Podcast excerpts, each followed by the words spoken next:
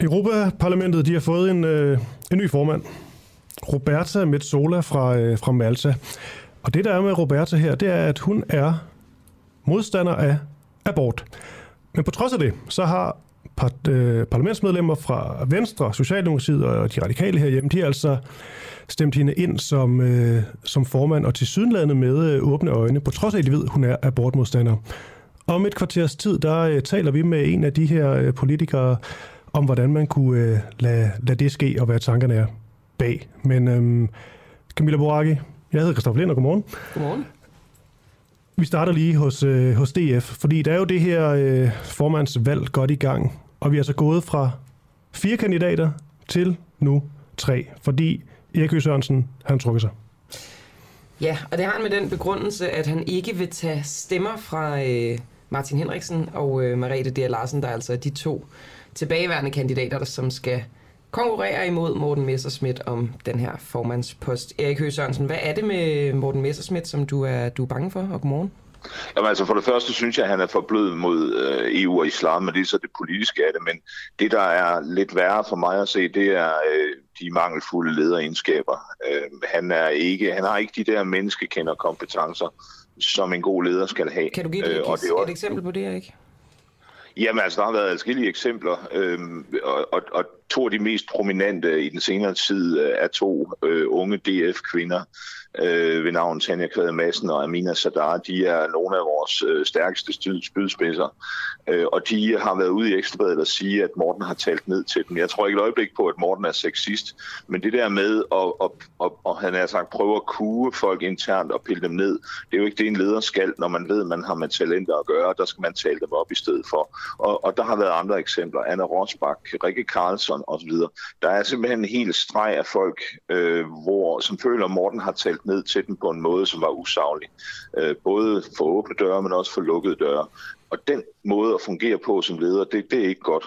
Men der er også, altså, og det politiske er også meget, meget relevant her, fordi jeg tror simpelthen ikke, at han er hård nok til at kunne give DF den politiske profil, der skal til. Men Erik øh, for, hvad, hvad ja. er det, der har været tunge på vægtskålen for dig? Fordi det er jo først i går, at du ligesom går ud og trækker dig.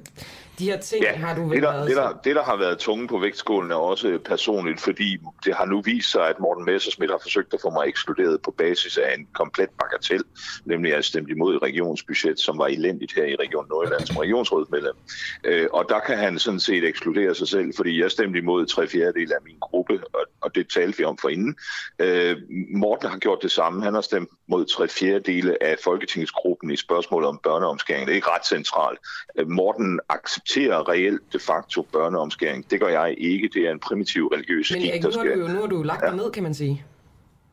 Ja, ja, men jeg bliver stadigvæk med. Nu I ringer I til mig og spørger mig, hvorfor øh, du trækker dig. Nu, nu ser det lige ud. Altså, han skal ikke prøve at ekskludere mig på baggrund af kriterier, som han ikke engang selv efterlever. Så, øh, så, det er heller ikke...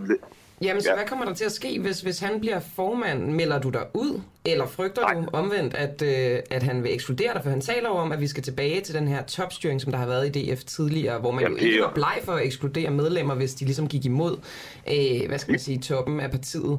Så kunne du frygte, at du, øh, du fik sparket?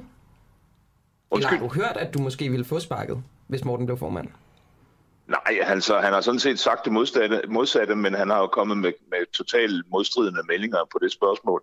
Og det er netop en, et, endnu et eksempel, det her med, at han vil indføre den hårde linje. Uanset hvem der vinder på søndag i DF, så vil det være en svag leder, der skal søge kompromis for at holde sammen på partiet. Og dermed har han jo sådan set øh, ødelagt sit eget formål, når han går ud og siger, at nu skal vi være hårde. Øh, han er simpelthen ikke den rette leder for Dansk Folkeparti. Han er politisk brilliant og genial, men ledelsesmæssigt, der er den helt gal. Så hvem er den rette leder? Ja, det har jeg ikke helt besluttet nu. Jeg taler faktisk med de to resterende kandidater, og så kommer jeg med en anbefaling her i løbet af dagen formentlig. Mm.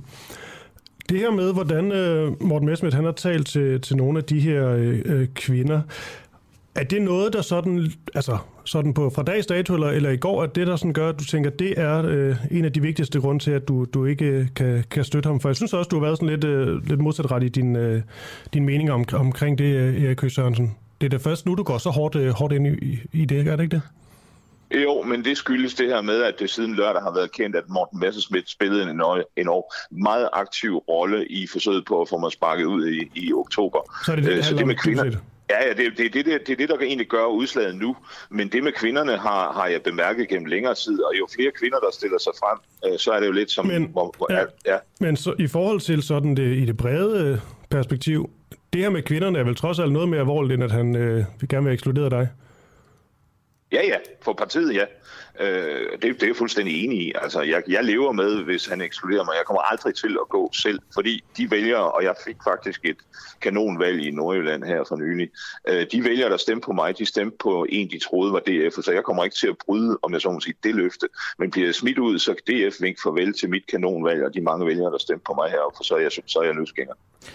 Hvordan er jeres altså, kultur generelt? Fordi nu er der jo flere eksempler på det her. Undskyld, med- jeg, jeg, jeg kunne ikke lige høre, hvad du siger, sagde. Nej, jeg undskyld. spørger om, hvordan øh, jeres kultur er generelt, det er ikke fordi, nu er der jo flere eksempler, og så er det jo så godt nok øh, med Morten ja. som hovedperson, kan man sige, men på den måde, der har jo også været andre i lokalet, for eksempel, så, hvor han har kunne sige de her ting ret uimodsagt, som jeg lige kan forstå det. Hvordan er kulturen i Dansk Folkeparti? På, det tror ikke- til, til kvinder? Jamen, der tror jeg, altså, du, jeg tror, du skal være meget varsom her, fordi jeg tror, Morten kunne finde på at tale ned til snart sagt alle. Jeg har selv prøvet, at han ved lejlighed at prøve at tale ned til mig, men det er jeg sådan set ligeglad med, for jeg svarer igen med, med samme mønt, hvis, hvis folk gør det. Men, men, så jeg tror ikke, det er et spørgsmål om sexisme, det tror jeg er meget vigtigt. Og du må også, du må også, du vil også blive mærke i, der har jo ikke været nogen i hvert fald ikke nogen alvorlige MeToo-sager i Dansk Folkeparti. Så, så det er ikke et spørgsmål om sexisme, men den her stil med at tale nedladende til folk, som egentlig er talenter, det, det er ikke en, jeg køber ind i. Han kan sige, Morten kan kort sagt sige til mig, hvad han vil. Jeg er 57 år gammel og, og står på mål for mig selv. Men, men at tale ned til et par unge kvinder, som, som virkelig har ben i næsen, øh, og som jeg kender personligt. Jeg har ikke været til stede ved samtalerne. Jeg kender den personligt. De har bare ben i næsen. Det skal man jo ikke gøre, hvis man vil være en god leder. Så Må- må sexisme jeg er det høre, ikke. Hvilken, Ja. øh, hvilken udgave af, altså nu brugte han en førsteklasses killing om Pernille Vermund. Hvad var pandangen til det, da han øh, talte ned til dig? Jamen det vil jeg ikke. Det, det, kan, det, det er ked af. Det kan jeg simpelthen ikke sige, fordi det er sket på et lukket møde. Og det vil jeg ikke referere fra. Men jeg kan bare konstatere, at jeg har været ude for noget Men, lignende. men, men, Også men altså, det er bare et ordvalg om dig, det kan du vel godt referere fra. Det er ikke noget politisk. Ja, det, nej, det er bare, ja, hvad han har det, sagt det, det er lidt dig. ked af, men altså, øh, han, der har været et nedsættende, lad mig, lad mig beskrive det sådan, at det er et nedsæt, der er brugt nedsættende betegnelser, som ikke har noget med sagens substans at gøre, og det er der, det skiller for mig. Men da, Øh, øh, og da vi det der med, undskyld, øh, jeg afbryder, men da vi talte med dig i, mandags, tror jeg det var, der synes jeg, du var øh, noget mere rolig omkring det her, og det jo sådan en jargon, der ligesom var det i lukket rum. Du fik så også sagt noget med, at du også skulle have Ja, kaldt nogen for, for, for korrekt. killinggang. Ja. Ja, det er lidt korrekt. Det, det er faktisk korrekt, fordi det er korrekt, hvad du påpeger. Det, det er, jeg var noget mere rolig om det. Jeg, jeg tror ikke, jeg ville kalde nogen lukket eller åben, tror jeg ikke, jeg vil kalde Pernille Vermund for en, for en led kælling. Men, Men der er men, men jeg, kan, jeg, kan sagtens, jeg kan sagtens se en finke ryge af panden i Okay. et rum, man tror er lukket. Noget andet, og der er altså en forskel for mig, det, det er noget andet, når du taler med en, om jeg så må sige, underordnet DF, som Newton er Kvade eller, eller Amina Sadar, øh, på tomandshånd. Jeg har ikke været vidne til det, men når du taler med en underordnet, og så øh, kommer med de der frembusende og aggressive kommentarer, som de beretter om i pressen, det er noget helt andet, for der er det jo lederegenskaber, du skal vise. Det andet bag de lukkede døre i Folketingsgruppen, det er, det er jo en politisk debat, øh, han har sagt med ligeværdige, så der er altså en mm. forskel, og det er jo også det, der er centralt i MeToo. Det handler om det her med, om folk er ligeværdige eller underordnede. Det er meget centralt, når man drøfter MeToo. Men lige til sidst, Erik Høgh, nu øh, står Morten Messersmith jo, som det ser ud til, at have gode chancer for at vinde i hvert fald. Vil du gerne være i et parti, hvor der bliver talt ned til kvinder, til talenter, også til mænd, siger du? Vil du Nej, gerne det vil jeg gøre op med. er den tone? Jamen, Hvordan vil du gøre op med det? Det bliver så i så fald den nye Det vil jeg formand. gøre ved at påtale det, men jeg tror jo, altså Morten er jo et meget intelligent menneske, så, så hvis han lærer af den omgang i, og tur i, i mediemaskinen, han får nu her de kommende dage fra både mig og andre, så kan det jo være, at han kunne blive en god leder. Jeg kommer ikke til at forlade Dansk Folkeparti, men jeg kommer heller ikke til at finde mig i en kultur, der ikke fra ledelsens side er ordentlig. Tak for det, Erik Høgh Sørensen, altså tidligere ja, formandskandidat i Dansk Folkeparti og tak. nuværende øh, byrådsmedlem. Og Camille Boracchi, vi, øh, vi iler flux videre til, øh, til Merete. Merete D.R. Larsen. Fordi der er jo... Øh, ja, hun er så stadigvæk med i spillet, og på en eller anden måde er der jo sådan en sjov... Øh, jeg tænker jo, hendes chance er, altså Martin Henriksen og Morten Messerschmidt, de bekriger hinanden. De kan officielt ikke lide hinanden. Faktisk taler de mere om, at de ikke kan lide hinanden som personer, end hvad angår politik, men de kan virkelig ikke lide hinanden. Så på en eller anden måde, hvis de to ligesom altså imploderer sammen, så står man rigtig klar. Hun er for Dansk Folkeparti, hvad Søren Pape er for Blå Blok. Ja, og øh, vi får en på telefon lige om et, øh, et kort øjeblik, og jeg tænker, at vi skal spørge mere ind til det her omkring øh, Morten Messersmiths øh, ledelsesstil, og det med måden, han har talt til øh, blandt andet unge kvinder og, og talenter på, hvorvidt det er et problem eller, eller ej. Ja, så kan jeg jo starte med at spørge dig, Merete D. Larsen. Hvis du bliver formand for Dansk Folkeparti, er der så plads til øh, en fyr som Morten Messersmith, der taler sådan om kvinder? Og godmorgen. Godmorgen. Jo, selvfølgelig er der det. Øh, Morten han har et helt særligt talent øh, politisk, og det skal vi også have plads til i Dansk Folkeparti. Og det er ikke vigtigere med menneskelige egenskaber trods alt? Der er masser af men- menneskelige egenskaber i vores parti, øh, så, så jeg synes, at det er vigtigt, at der er plads til mange forskellige typer af politikere. Så også en type, der altså nu øh, gentagende gange har vist eksempler på at tale ned til kvinder, endda også unge kvinder. Ja, nu har jeg ikke lige hørt om nogle øh, senere eksempler. Jeg går ud fra, at det stadig er de to, øh, vi taler om fra Ekstrabladet. Ja. Øhm, og ja, det er ikke en særlig øh, positiv omtale, øh, som, som han bruger der omkring to kvinder. Det bryder jeg mig absolut ikke om. Øh, men det er det, jeg mener med, at der er noget identitet og noget kultur i partiet, vi skal have tilbage til, til hvordan det burde være og hvordan det har været. Hvordan, øh, hvordan har han talt til dig igennem tiden, Merete? Han har faktisk altid øh, talt meget pænt til mig, når vi har talt sammen. Så, øh, så jeg har ikke oplevet det sådan på egen krop. Lad os sige, at du var formand, og det her kom frem. Morten Messersmith var for eksempel en del af partitoppen. Hvad vil konsekvenserne være? Hvis, øh, hvis han går hen og bliver formand, Nej, hvis du er Eller hvis- formand, hvis jeg bliver formand, og det her kom Jamen, frem, altså- hvad ville konsekvenserne så være for Morten Messersmith? jamen, så havde jeg da selvfølgelig taget mig en seriøs snak med Morten om, hvordan man øh, taler til og om kvinder. Øh, det, er jo, det er jo ret vigtigt, at man behandler hinanden med ordentlighed og respekt. Og det forventer jeg sådan set også, at han gør i fremtiden. Jeg tænker, håber, at han har lært noget af, at øh, det er kommet ud, hvordan han kan tale. Men det er jo ikke kun ham, skal siges. Det er jo lige så meget i høj grad Pia Kærsgaard. Hun er jo ikke meget bedre, så jeg tænker ikke, at det er... Det er det, jeg mener med, at jeg tror ikke nødvendigvis, at det handler om, at det er Morten Messersmith. Det handler jo mere om en kultur måske, blandt de to. Hvad har Pia Kærsgaard sagt af lignende ting? Øh, på samme optagelse, som Morten Messersmith er blevet optaget, der hører man også Pia Kærsgaard udtale sig. Og derudover har du øh, været vidne til, at hun måske har talt ned til dig? Øh, hun har ikke talt så meget til mig øh, igennem tiden, så, så nej, jeg har ikke oplevet det direkte nedladende tale. Jo, det har jeg faktisk måske. Ja, nu skal, jeg lige, nu skal man lige tænke sig om. Øh, men jo, det har jeg nok. Det er ikke noget, jeg går så højt op i, så det er ikke noget, jeg sådan har, har tænkt så meget over. Jeg har ladet tingene meget glide af mig, hvis den slags ting sker. Hvad har hun sagt til dig? Jamen, jeg kan ikke uh, lige huske det konkret. Det var, fordi I fik mig lige til at tænke, om hun mm. har sagt noget gennem tiden. Og det har hun da formentlig, men, men, jeg, kan ikke, uh, men jeg kan ikke sætte uh, noget konkret på. Men er det ikke noget, Marete, det er i øh, det politiske miljø af nu 2022, noget du måske burde tænke lidt mere over, hvordan øh, folk taler til dig, også dem, der er højere rangeret? Absolut. Altså, men det er også derfor, det jeg slår meget på i den her valgkamp, det, det handler jo meget også om partiets identitet øh, og hvem vi er. At vi skal være ordentlige, og vi skal være ærlige, og vi skal kalde en spade for en spade. Vi skal tale direkte, men jeg går da kraftigt ud fra, at det er også i et respektfuldt toneleje fremover, at det kommer til at ske. Har det været en ordentlig og respektfuld valgkamp, synes du? Nej, det har det ikke. Øh, der har været bygget rigtig meget vrede op, det er der ingen tvivl om. Øh, og den vrede er jo kommet til, til udtryk øh, i valgkampen, det er der ingen tvivl om. Hvem siger du helst blive formand? Skulle det ikke blive dig selv? Det kan jeg faktisk ikke svare på, fordi jeg stiller selv op, fordi jeg ikke kan se øh, min. Det jeg gerne vil med partiet, det kan jeg ikke se direkte afspejlet i nogle af de to andre.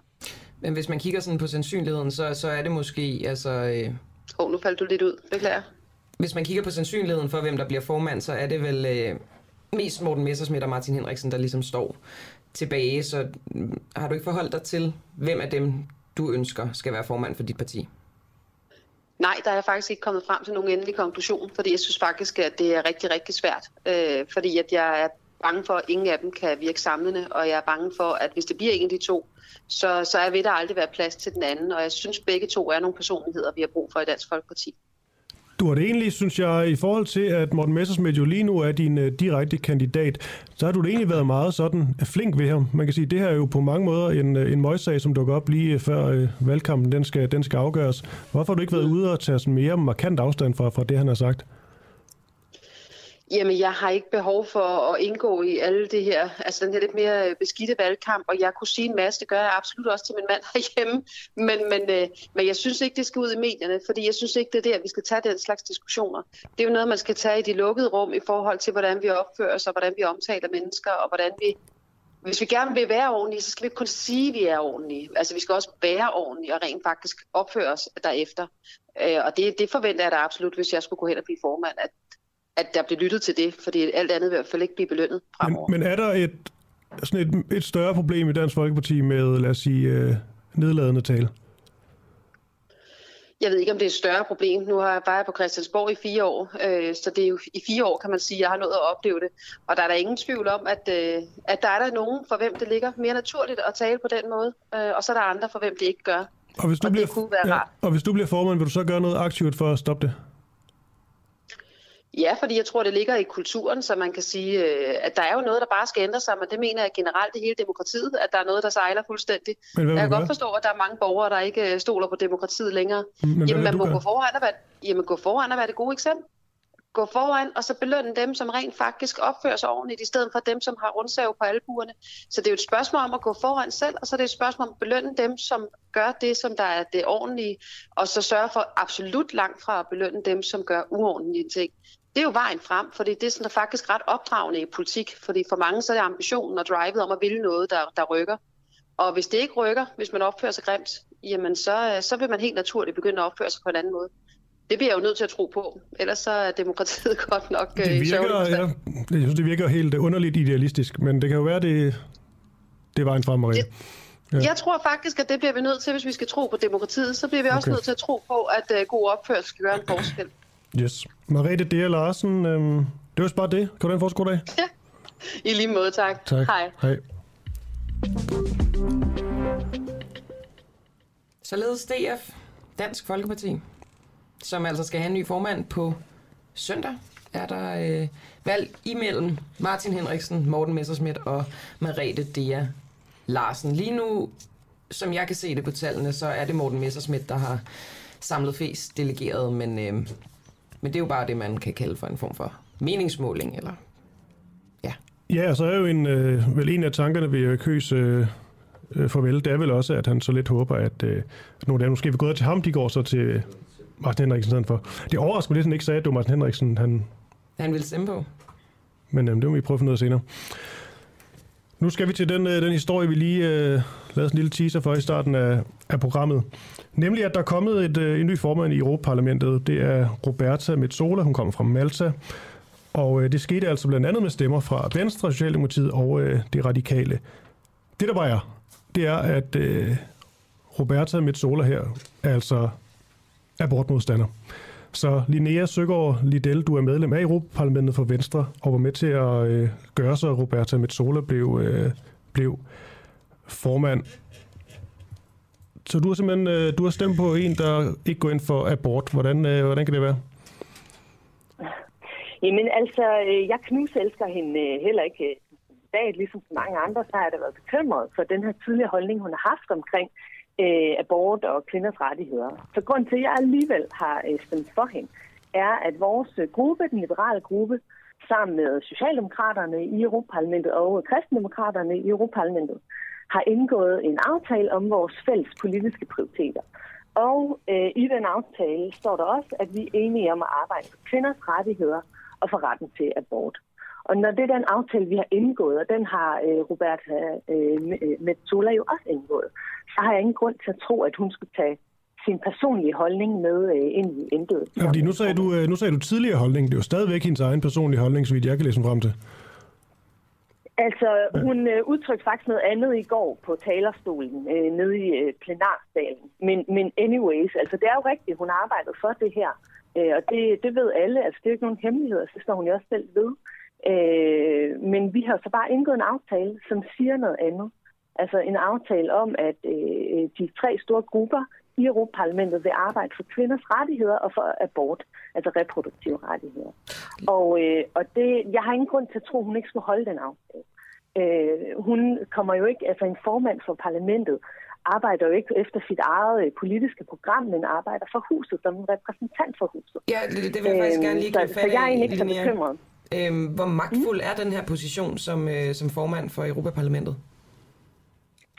Jamen altså, øh, den øh, formand sætter jo øh, altså en dagsorden, der er jo alt muligt internt procedurer øh, i forhold til, hvordan vi arbejder, og så er det jo øh, formanden, som øh, er ansigtet øh, udad til, men som jo repræsenterer øh, den, flere, eller den politik, vi har vedtaget i Europaparlamentet. Det lyder Så sådan lidt symbolsk øh, kransekagefiguragtigt. Jo, men altså, der skal jo være en, som repræsenterer os udad til, og som ligesom trækker nogle, nogle linjer op. Altså, der er jo mange opgaver i at være øh, formand, men, men det er jo ikke formanden, som øh, Men for øh, et- sætter den ja, politiske dagsorden. Men for et moderne Og, og, øh, og progressivt sige- Europa, så er en øh, abortmodstander vel ikke den allerbedste, det allerbedste ansigt ud til. Jamen, hør, jeg, havde jeg selv skulle vælge ud af 705 øh, europaparlamentarikere, hvem der skulle være kandidat til posten, så havde jeg nok heller ikke valgt hende. Nu havde vi fire kandidater, vi kunne vælge mellem. Mm. De tre andre, det var henholdsvis fra den yderste venstrefløj, fra de grønne, og så var der en fra det yderste højre, som så godt nok trak sig i sidste øjeblik. Og så vil jeg da som liberal alt andet, hellere, øh, alt andet lige hellere stemme på en øh, kristendemokrat. Som, som Plus, liberal vil du stemme en på en, af- som, som skal være, du siger ansigt udad til, symbol for øh, Europaparlamentet. Som liberal vil du stemme på en, som er imod retten til abort. Altså den frie ret til Men, men abort. for, forstår I det, øh, at vi har, vi har indgået en aftale? De tre store grupper har indgået en aftale. Vi vil arbejde for at fremme kvinders rettigheder og reproduktive rettigheder, altså retten til abort. Men du siger jo selv, at, at, at, at, øh, at grundlag, som, som Roberta Metsola står på, det er derfor, hun er blevet valgt. Og det er jo en del af den her pakke. Øhm, så jeg har ingen grund til at være bekymret øh, for, at hun skulle arbejde for noget andet end det, vi er blevet enige om. Men nu snakker er jeg faktisk med- heller ikke, hvad hun vil arbejde for. Det, det kan jeg egentlig godt forstå, at du tænker, at, øh, at I har en aftale omkring. Nu tænker jeg faktisk, det du siger, hun er ansigt udad til, hun er symbol. At have en abortmodstander som formand, som repræsentant, som ansigt udad til for Europaparlamentet. Hvis vi for eksempel tænker på Polen og det, de kæmper for dernede. Ja. Hvordan ser det ud, synes du? Ja. Flertallet af øh, europaparlamentarikerne har jo været ekstremt kritiske over for øh, det, som der sker i Polen i forhold til kvinders rettigheder.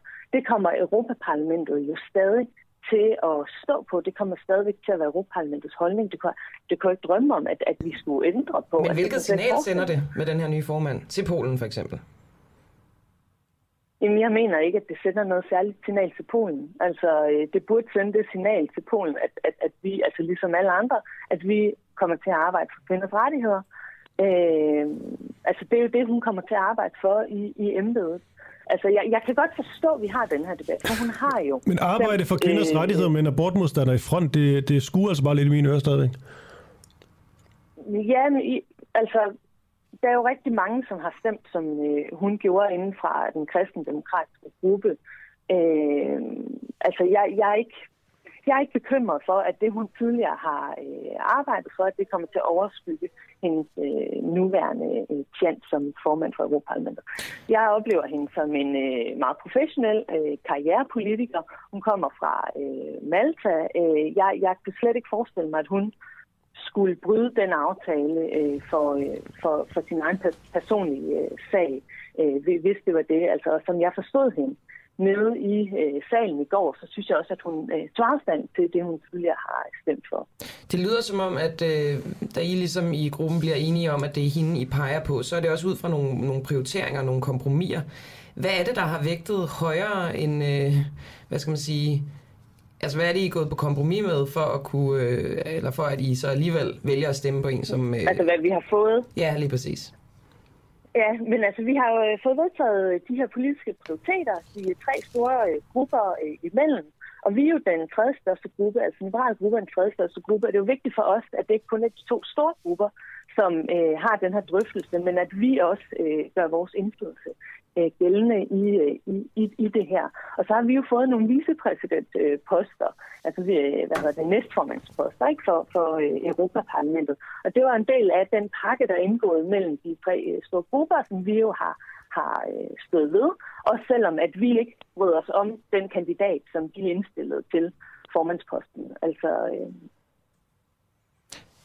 ja. sagde altså så, Linnea. Så det er det, vi har fået. Vi har fået mere, mere indflydelse. I har fået mere indflydelse. Jeg skal bare lige, nej, lige helt sidst øh, bryde, altså, jeg forstår ikke helt, Roberta, med, med Sola her, er du modstander eller tilhænger af hende?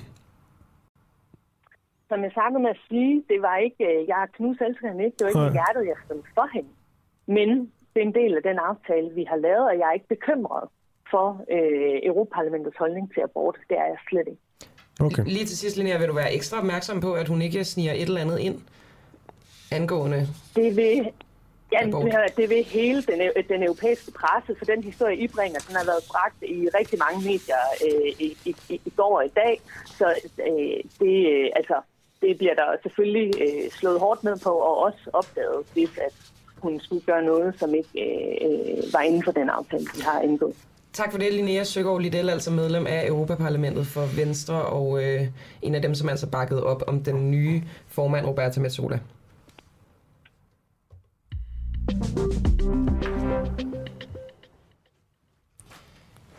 Du lytter lige nu til Den Uafhængige, en uafhængig morgen. Øh, vi sender ind til klokken 9, og så sender vi også igen fra klokken 16 til 18, og det er jo sådan, Kristoffer, at vi er bygget op. Vi overlever udelukkende på vores øh, medlemmer. Dem, der betaler til den her radio. Mm-hmm. Øhm, og jo flere medlemmer, jo bedre øh, radio kan vi lave, jo mere kan vi udvide sendefladen med endnu mere kritisk og nysgerrig radio. Så... Lad, os, lad os lige tage et konkret eksempel. Ja, lige nu, lige nu, og det har vi jo kørt længe med, der har vi jo simpelthen, øhm, når, vi, når vi telefoner igennem, så kommer Sko Barry, producer, jo, altså... Nu, du, og Nikolaj. Nikolaj også, ja. Altså ind og nu placere et stik i telefonen, så vi kan tale med, med kilden. Og altså, det sker ikke på, øh, på PIT. Nej, det gør det ikke. Der er et, et kæmpe øh, styrepanel, som ligner et eller andet fra et rumskib. Så hvis man øh, I støtter, og vi får øh, sådan lidt mere, øh, lidt mere kapital, så, øh, så kan det også være, at vi kan lave om på det, og vi også måske kan få to telefonlinjer. Det er, lige, det er ligesom i det små, men øh, det er små skridt. Og hvis du har lyst til at hjælpe os med det, til at gøre det lidt mere smooth, blandt andet med det tekniske, men jo egentlig også med indholdet, så øh, kan du blive medlem inde på duah.dk, inde på internettet. Men du kan også sende en sms til 1245, hvor du simpelthen bare skriver UA i versaler. Nå, Kristoffer, nu har vi jo fået en telefon plukket ind, og mm-hmm. øh, der tænker jeg egentlig bare, at vi kan sige godmorgen til, øh, til Jarl Kortua og spørge ham, er Thomas Danielsen den rigtige til posten som gruppeformand for Venstre? Godmorgen. Godmorgen. Jamen, øh, det øh, spørgsmål øh, skal du ikke spørge mig om. Altså, men jeg vil godt kommentere på det. Altså, vi spørger du Venstres øh, folketingsgruppe, Venstres gruppes øh, bestyrelse, så er han den helt rigtige mand. Øh, oplagte kandidat. Nej, øh, noget tyder på, at, at også øh, de folketingsgruppen var der overrasket over, at øh, gruppebestyrelsen kom enstemmigt og, og sagde, at det her, det er ham, vi mener skal være Carsten Lauritsens afløser. Og, øh, og der var ikke rigtig nogen modkandidater, så han gled øh, glat igennem. Men øh, selvfølgelig var der nogen, der var lidt overrasket over, at det lige netop var ham. Øh, men hvis man nu skal begynde at analysere på, hvorfor bliver det Danielsen, så skal man måske prøve, først kigge på noget geografi. Hvor, hvor er han valgt hen? Han er valgt over i Vestjylland. Det er det øh, område, som er venstre øh, kerneland, og hvor de sidste to stemmesluger var Inger Støjberg og øh, øh, den tidligere næstformand Christian Jensen. Øh, og der er Danielsen også valgt. Og øh, hvis man ligesom øh, skal sikre sig, at ledelsen består af folk, der er enten kommer fra Sjælland, øh, er valgt på Sjælland, der er også en enkelt fynbo, øh, men også, at der skal være en repræsentation fra det nord, midt og vest øh, jyske, hvor, der, hvor Lauritsen jo også kom fra, han var valgt i Nordjylland, mm. jamen så kræver det jo, at man også er repræsenteret øh, i det, man kan kalde for Venstres Højborg. Så det er jo netop er de der områder, hvor Venstre jo henter langt af de fleste stemmer. Altså, Venstre er jo et kæmpe stort parti deroppe. Mm. Knap så meget i, øh, i, øh, i hovedstaden og på Sjælland.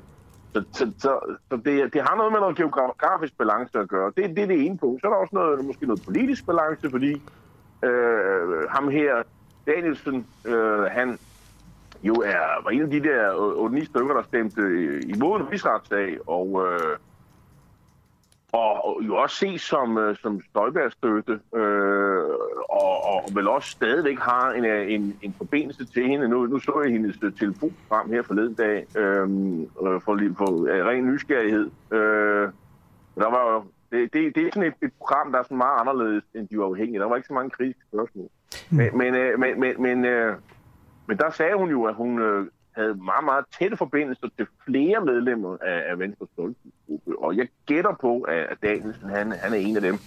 Så, øh, så det, det handler ja. måske også om, hvad skal man sige, repræsentere nogle af de der, den strømning, som Inger Støjberg har stået for. Men jeg Korto, det er ligesom... ligesom også ja. er i, uh, med i ledelsen. Så det, det var jo Jamen det er fint. Ja. Det, det, er jo, det er jo ligesom øh, så lidt, øh, man kan sige, lidt baggrund til, hvorfor det nok, øh, nok blev ham. Men i forhold til, til dig, Jarl Cordua, så skrev du ja. på det kære medie Twitter, Ja. Øh, øh, hvad? Thomas Danielsen valgt som gruppeformand. Ham, der udskammede en dommer for at passe sit arbejde. Hvad sker ja. der lige for jer venstre? Mm. Ja. Det... Jamen, det er, jo, øh, det er jo min holdning, kan man sige. Jeg, jeg, jeg, altså, jeg, jeg synes jo, det er ret mærkværdigt, at parti, som jo er grundlagt for at stadig opgør med, øh, hvad skal man sige, øh, øh, mange af de sådan, øh, retssikkerhedsmæssige ting, der ikke fungerede i, i, i, i, i 1800-tallet, at de pludselig har en mand, der mener ret vilde ting indimellem. Ikke? Altså, der, der er det her øh, forhold med, at han jo kritiserede en formand for at være æstformand nede i flygtningenævnet, altså, hvor han jo var udpeget, det var hans arbejde, øh, og så fik han, blandt, så fik han det mistænkeliggjort. Øh, altså, det kan alle mulige tosser rende rundt og mene på de sociale medier, det, det lever vi nok med. Men et folketingsmedlem, altså... Så det er øh, i virkeligheden en kæmpe skandale, at han kan være sådan, man kan være gruppeformand? Ja, det, ja altså, øh, jeg, jeg, jeg, jeg, er i hvert fald meget svært ved at se, hvordan de ting øh, øh kan, kan, kan, hvad skal man sige, hænge sammen. Øh, så er der så dem, der forsvarer ham og siger, jo jo, men han har jo været ude i politikken og beklaget. Øh, fordi politikken øh, bragte jo i søndags en, en stor øh, interview med Peter Mørk Thomsen, Instrukskommissionens formand, som jo fortæller om, hvad det er for nogle konsekvenser, der har for ham og hans familie, at, øh, øh at, at de har, folk har været efter dem på forskellige måder, og, øh, og det er specielt det her med, at der er nogle politikere, og, og, og Danielsen er jo ikke det eneste. Tusind Daler har jo også bygget sig af den anledning. Øh, Øh, og, og der øh, forsvarer, øh, eller forklarer øh, Danielsen sig, at han er blevet misforstået, og, øh, og, og han vil jo så godt beklage. Øh, men det sker altså kun et år, altså mere end et år efter, kan man sige, at det er sket, øh, og jeg kan jo sige, at jeg var ude og kritisere med den anledning. Øh, Men tror du ikke på den? I, i Berlingske. Tror du ikke på den beklagelse? Det Nej, det gør du ikke. Jo, jeg tror, jeg tror beklagelsen kommer, fordi at øh, han var på vej til at blive øh, øh formand for Venstre, og, øh, og, og det er så en af de ting, han ligesom måtte øh, komme med, for ligesom at give okay. den indrømmelse. Så du kan ikke øh, sådan, at, hvad hedder det, Jarkort, du kan ikke ligesom altså, mærke følebeklagelsen, du tror ligesom, det var en mere sådan en praktisk en af slags? Ja, det, det, jo, altså det, det, det er lidt svært at sige. Det kan godt være, at manden øh, har indstedt, at han sagde dumme ting. Øh, men problemet er jo, at manden har sagt rigtig mange dumme ting i, i, i gennem tidens løb. Altså, også det med instrukskommission, undskyld, med, med min kommission, grænsningskommissionen. Mm. Altså, Thomas Danielsen er, han er jo meget hurtig på aftrækkeren og mener jo, at, øh, at der er basis for at rejse rigsretssag. Øh, det, gjorde, det mener han faktisk allerede før der var afhørt det eneste øh, vidne i, grænsningskommissionen er jo en lidt magværdig tilgang til, skal man sige, retsplejen, at øh, man allerede faldet, faldet dom øh, inden at øh, man har afhørt vidner og ligesom øh, afklaret sagen. Har du, har du et det, horn i siden på ham? Og, om jeg har en horn i siden på ham? Ja. Øh, ikke, person, ikke personligt, okay. øh, men, men, jeg har, øh, men jeg er meget kritisk. Jeg er ligesom, ligesom de uafhængige er meget kritiske over for politikerne, så er jeg jo også meget kritisk. Øh, og så, så hvis, øh, hvis de uafhængige har en horn i siden på politikere, så har jeg jo også en horn i siden på politikere. Jeg mener, jeg, jeg, jeg er kritisk, øh, men... Øh, men, men altså, jeg, jeg, jeg havde nogle fornemmelsen, at I godt kunne se forskel øh, på at være kritisk og være, og være have horn i siden. Det kan jeg love dig for, øh, at øh, vi kan. Jo, det har du også men, selv fået men, understreget. Men jeg, det jeg egentlig gerne vil høre, fordi nu siger du, at du er kritisk over for Thomas Danielsen som, øh, som gruppeformand. Hvad vil det have af konsekvenser, at at sådan en mand øh, bliver formand, og jeg skal jo lige huske at sige, at vi har jo inviteret Thomas Danielsen til at medvirke. Det har han ikke ville. Ja, altså, øh, hvis, man, hvis man skal tage det sådan kølige analysebriller på, så, kan man, så er der nogen, der håber på, at man skal man sige, øh, ansvarets å og tyngde vil gør, at han holder igen med, med de der, øh, skal man sige, hurtige meldinger. Og, og lige for det der med, med grænsningskommissionen, altså her forleden dag, der har han også ude igen at sige, at han mente allerede nu, der var rigeligt til, at, at, at, at der kunne rejses rigsretssag. Og der var Sofie Løde, den politiske ordfører, faktisk ude at korrigere ham. Det vil sige, at vi har en politisk ordfører, der korrigerer den øh, skal man sige, øh, gruppeformand en spe.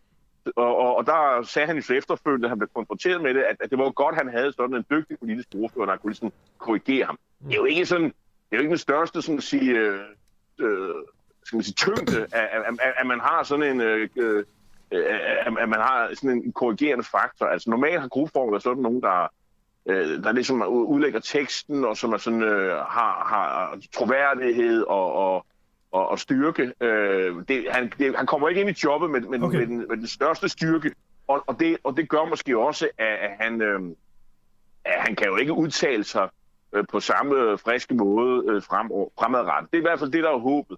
Og så er spørgsmålet så, øh, er det så øh, noget, der kommer til at påvirke linjen så meget?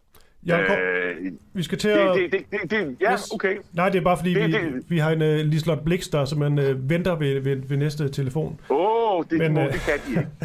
Men Jacob, du er, du er politisk kommentator, og du er absolut ikke begejstret for, at Thomas Danielsen er ny uh, gruppeformand. Absolut, absolut ikke, men uh, nu må vi have, alle skal jo have en chance, det, og det skal han jo også have. Det er rigtigt. Så nu må vi se, hvad, hvad han kan, men jeg tror, man holder øje med, hvad han kommer med af friske meldinger, og Ja. Og, og så må vi se, om, om, om, om, øh, om Sofie Løde skal ud og sige, at det Thomas Danielsen i virkeligheden mener, det er. Okay. Øh, og den slags situationer. Så nu må vi se, hvad, hvad det bliver spændende at se. Hvad. Det er godt, Jarl. Tak for det. God dag. Velkommen. Hej, hej. Hej. hej. Spændende, om der bliver, øh, altså om det giver anledning til, til palaver, det her når der allerede er en, en form for uenighed imellem den politiske ordfører, altså den kommende gruppeformand Thomas Danielsen, som ifølge Jarl Cordua har nogle øh, lidt friske udmeldinger en gang imellem. Ja, og jeg skal lige sige, jeg tror ikke, jeg fik sagt, men Jarl Cordua er jo øh, tidligere med i Venstre også. Jeg tror stadig, han er medlem. Det er noget med, han er begyndt at stemme konservativ, men stadigvæk har opretholdt sit øh, medlemskab. Det, det er også meget smart. Det er måske ikke så smart i virkeligheden. Nå.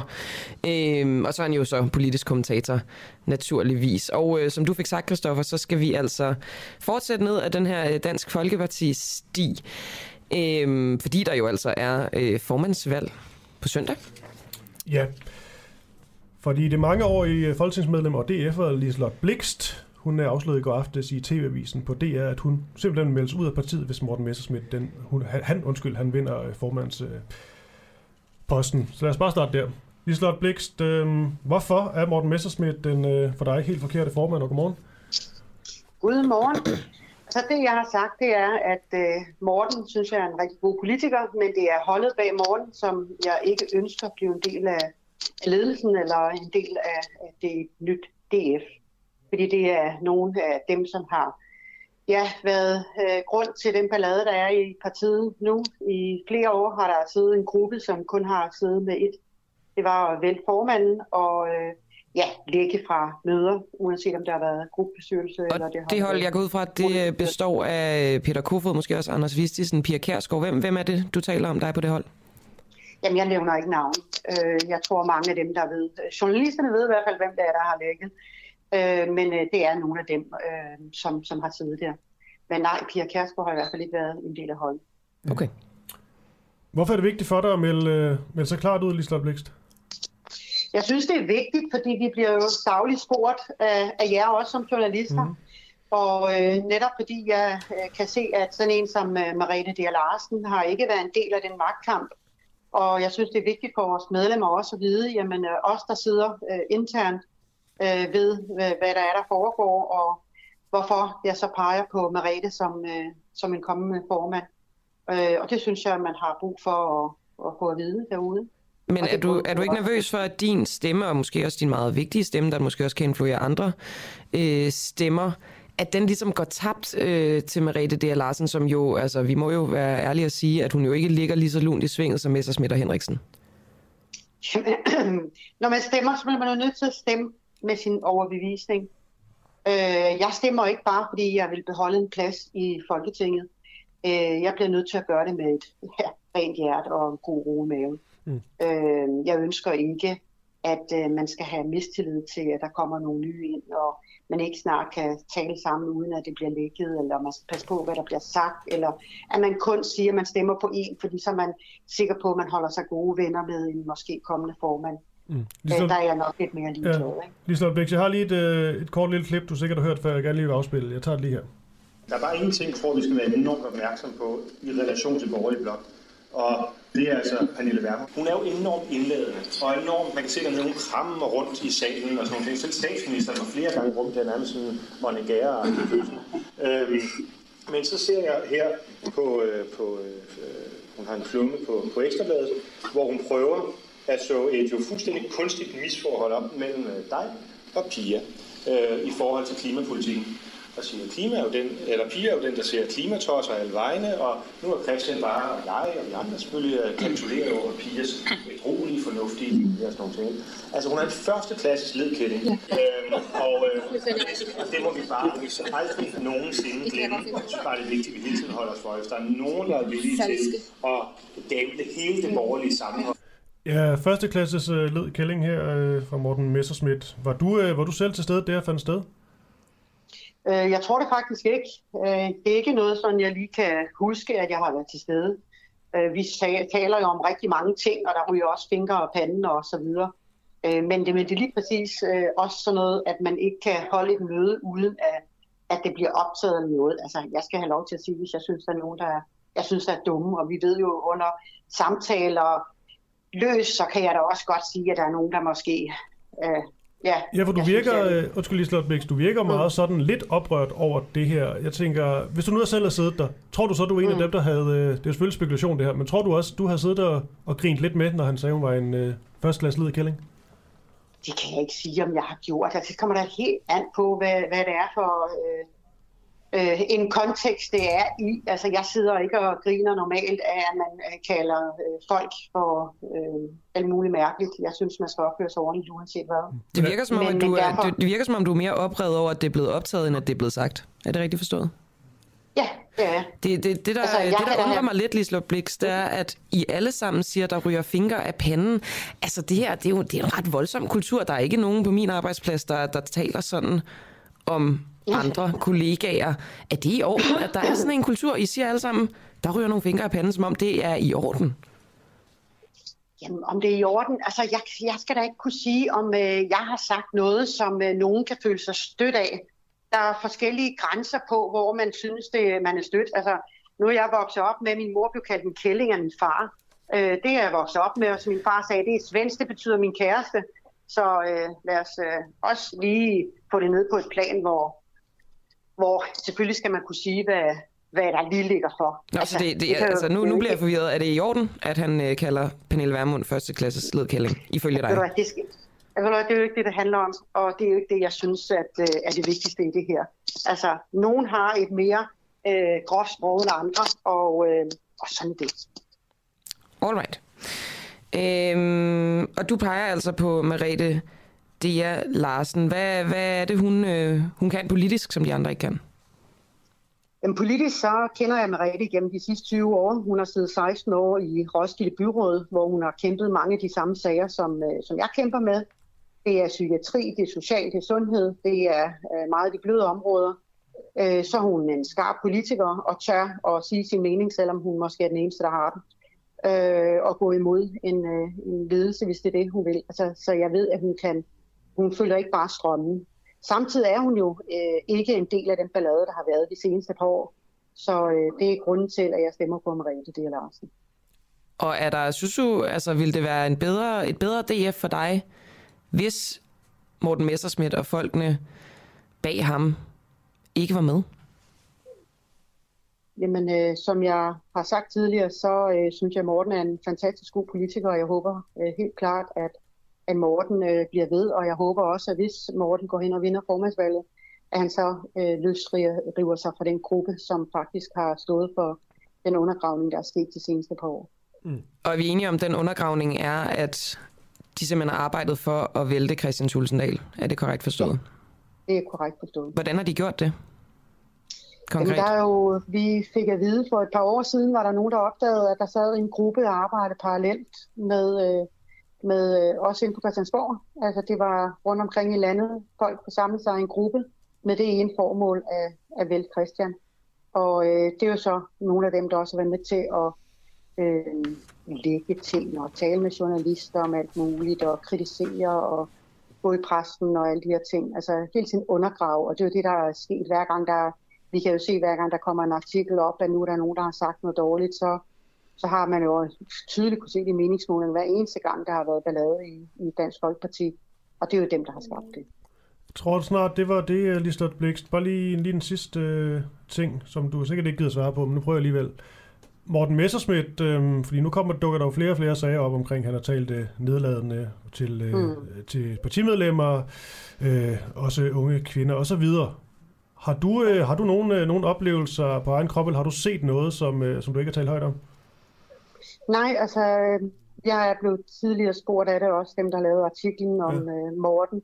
Og Morten har altid opført sig ordentligt øh, over for mig. Der har jeg ikke noget at, at kunne sige. Okay. Og jeg har heller ikke hørt, at han har været nedladende over for andre. Det kunne jo være. Liselotte Blikst, DF og folketingsmedlem. Tak fordi du er med her til morgen. Ja, velkommen.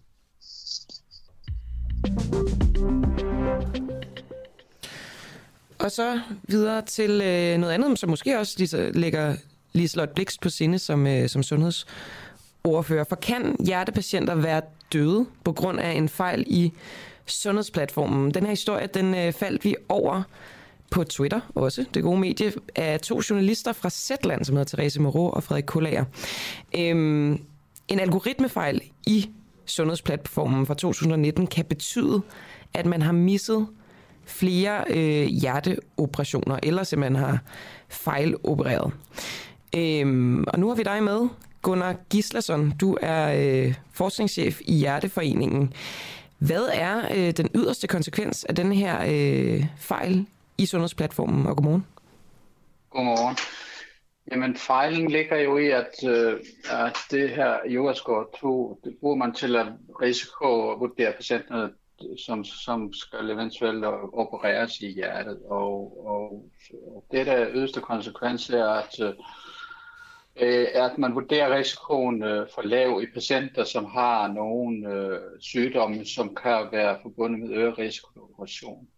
Så det er jo ret uheldigt. Det kan også være, at øh, patienter, som øh, som øh, vil være egnet til operation, bliver også fejlvurderet eller har for høj risiko, og måske ikke derfor vil blive vurderet egnet til, til, til operation. Så, så det vil sige, det er både folk, som har høj risiko ved at øh, dø af en operation, som bliver opereret alligevel, men det er også patienter, som burde være opereret, som ikke bliver det?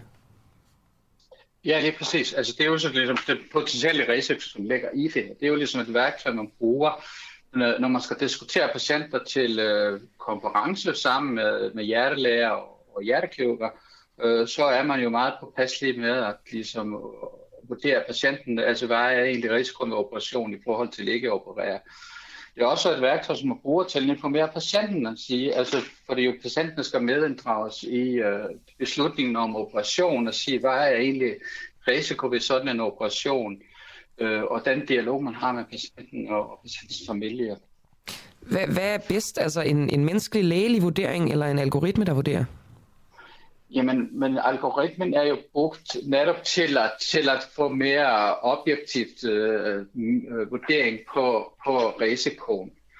Øh, fordi at hvis vi bare sådan øh, laver vores egen vurdering, øh, så, så kan det ligesom være meget subjektivt. Så, så det er jo netop til at få mere øh, objektiv øh, vurdering på patientens risiko. Derfor er det et støtteværktøj, man bruger. Og jeg skal lige høre, er der sket nogen, altså har I eksempler på, at den her algoritmefejl har ført til øh, i yderste konsekvens dødelige årsager, men måske også bare fejl, altså fejloperationer, som er gået galt? Som jeg forstår det, er det ikke sket øh, en, en, en, i hvert fald en, en, en, en, øh, en, en, en øh, altså, altså skade på patient, eller patienten er død under operation. Men det er ligesom, du vurderer, at der er potentiale for, at det kan ske, hvis det fortsætter? Det er potentiale, og det er jo ligesom, det er jo altid det, det er jo en estimeret risiko, og det er jo ikke sådan, at ligesom, hvis en patient har en høj risiko, så vil den dø, men, men det er jo ligesom, det er jo netop til at, at, ligesom, at forhindre, at vi sætter patienten til operation som måske vil have en meget, meget høj risiko i sådan operation. Nu, nu spørger jeg dig bare, Gunnar Gislason, du er forskningschef i Hjerteforeningen. Jeg synes, det lyder temmelig skandaløst det her i virkeligheden, at, øh, at sundhedsplatformen kan, kan fejlberegne, og at der er potentiale for fejloperationer med dødelig udgang. Er, er det ikke en skandale? Jamen, det er jo, det er jo et stort, stort problem uh, patientsikkerhedsmæssigt. Det er ikke noget, med sundhedsplatformen at gøre som sådan. Det er jo sådan vigtigt at ligesom sige det, for det er, jo, det er jo en algoritme, som er jo sat ind og det er jo hele programmeringsdelen, at det er dem, som, som sætter det ind. Og det som man skal være sikker på, at når man sætter et, øh, at, at implementere et værktøj ind i, ind i uh, sundhedsplatformen, så skal den være tjekket uh, og være sikker på, at den fungerer, som den skal. Og det, som jeg forstår, er, at det er ikke blevet ordentligt gjort. Og det er jo dybt, dybt problematisk. Så, så hvad vil I gøre? Ja, så nu har man jo rettet øh, fejlen, og, og så vi håber, at fremadrettet vil man være opmærksom på, at, øh, at hvis man sætter en, øh, et, en algoritme ind, som skal stø, være en beslutningsstøtte, så skal den øh, være, være helt øh, være klar i regler og, og procedurer omkring, hvordan kvalitetstester man den, og sikrer, at, øh, at den fungerer, som den skal. Så det er jo ligesom det, som vi skal lære af det her. Og heldigvis er det ikke sket noget unødvendigt dødsfald, som, som jeg forstår, at uh, når man har så kigget bag i, i, i, øh, i, øh, i journalen systemet, men det skal jo være læring på, at hvordan vi skal gøre det fremadrettet, så det ikke sker igen. Og det er jo det vigtigste. Det her har, som jeg kan forstå det, kunne eksistere, altså de her fejl i algoritmen i sundhedsplatformen har kunne eksistere i fem år. Hvordan er det kunne blive overset i fem år, de her fejl?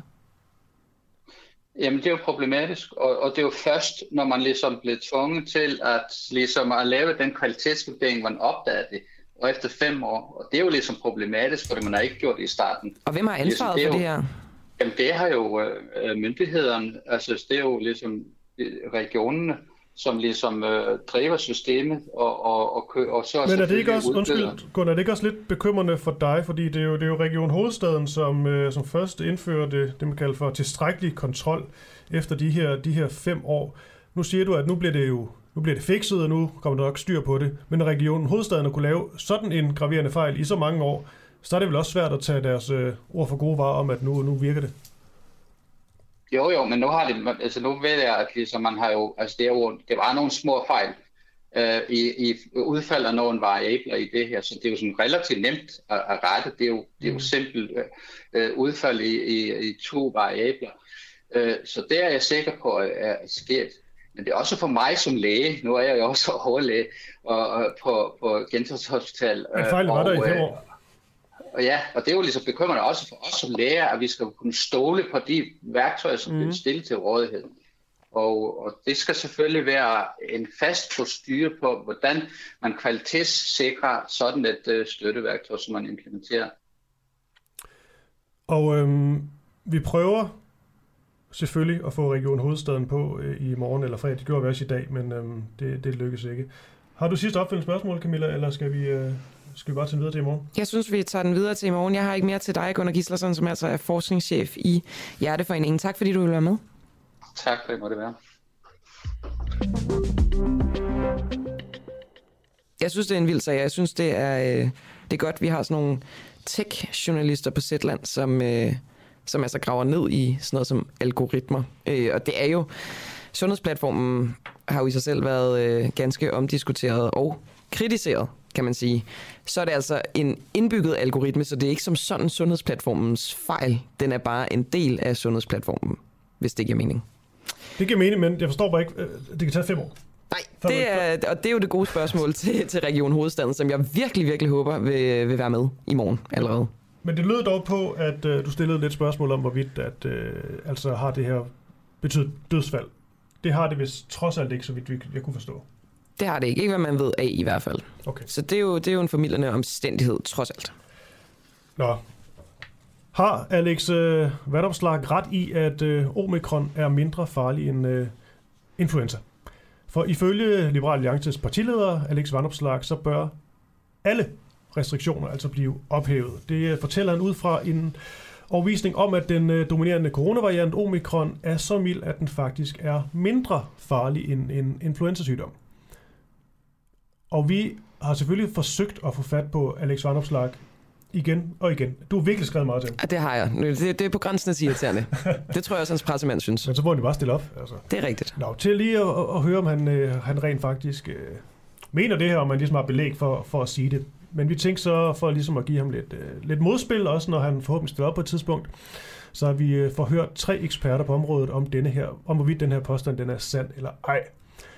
Og her, der kan du altså høre svarene, vi har fra Eskil Petersen, som er professor i infektionssygdomme, fra Viggo Andreasen, som er matematisk epidemiolog, hedder det, og Hans Jørgen Kolmer, som er professor i klinisk mikrobiologi ved, ved SDU. Alex Fanopslag, formanden for Liberal Alliance, han har været ude og sige, at omikron er mindre farlig end influenza. Er det rigtigt? Nej, det mener jeg ikke, at man kan, øh, kan sige. Altså, jeg ved ikke, hvad, hvor han har det fra. Det er jo rigtigt nok, at vi ser øh, færre indlæggelser, og måske også færre, der kommer på intensiv med det.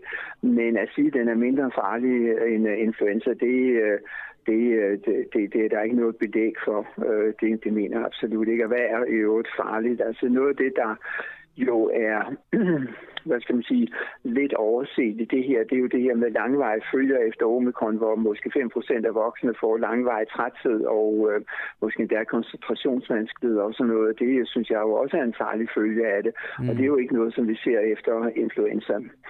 Så derfor mener jeg, at selvom vi er to år inde i øh, pandemien, så er der jo stadigvæk mange ting, vi ikke ved. At sige, at den er mindre farlig end influenza, det, øh, det kan man ikke sige.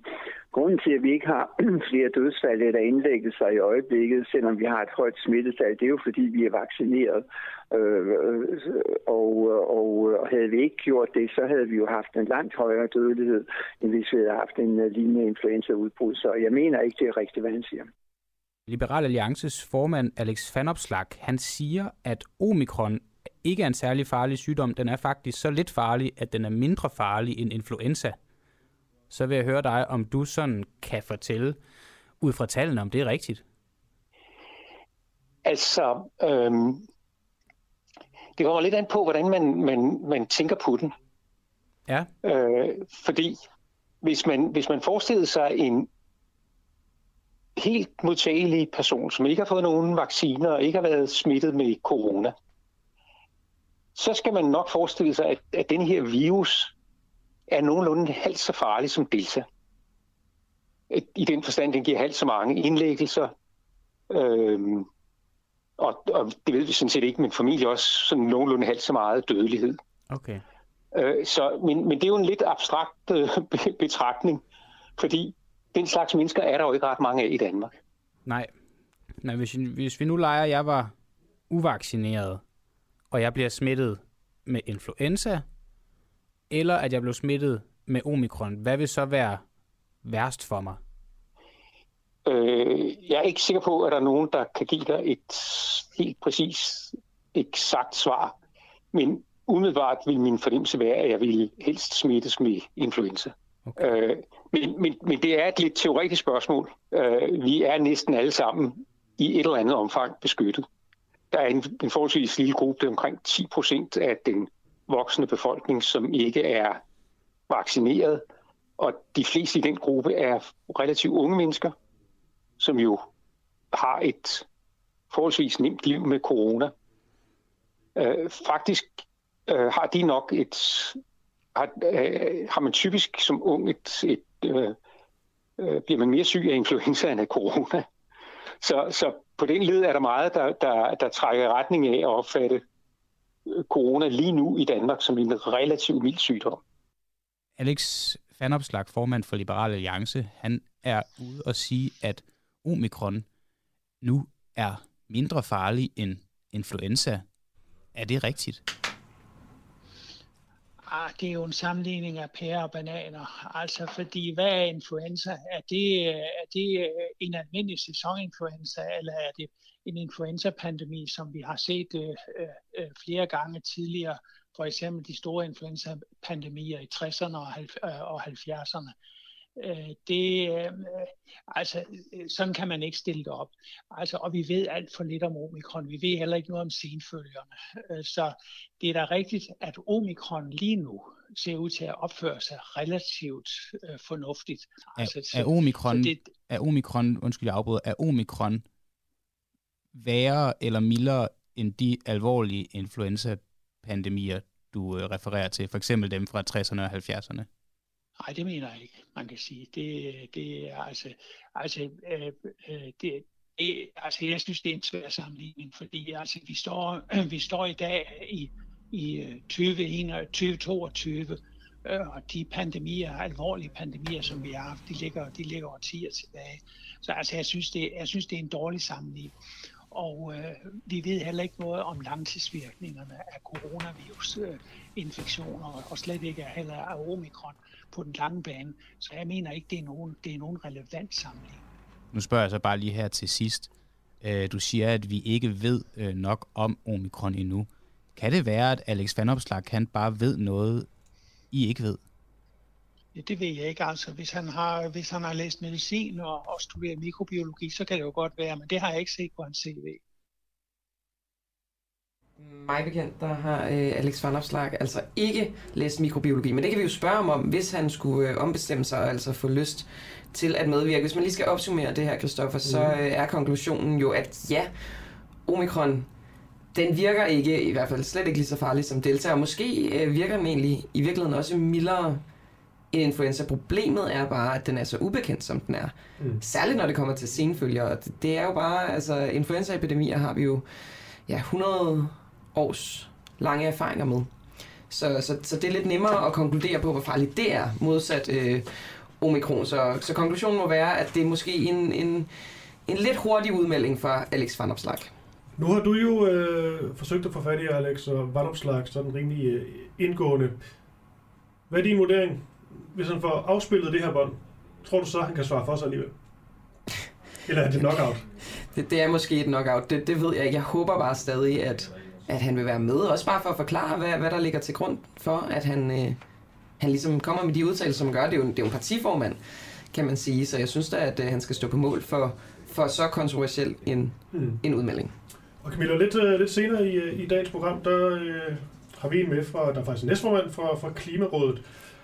Og det er sådan en, uh, en kritik af, at der bliver brugt for mange penge på kampagner for kød, modsat kampagner for grønt. Altså regeringen bruger for mange ja. penge. Men så er spørgsmålet, det vi diskuterer, det er jo, hvorvidt det egentlig øh, er et problem, for vi er, så vidt jeg kunne læse mig frem til, 97 procent af os danskere, der spiser kød. Ja. Så, så det er jo trods alt, øh, trods alt noget, noget større, må man nok sige. Og så tror jeg så, at vi havde en anden øh, diskussion. Det kan være, at lytterne kan hjælpe lidt her. Vi sad og snakkede om, i forhold til alle de her kampagner, man taler om. Mit indtryk er udenbart, at de her kampagner, de mest er henvendt til, øh, til vegetarer og veganere at spise mere grønt. Grøn omstilling, alt det her. Jeg ser det ikke særlig mange sådan spise kød kampagner.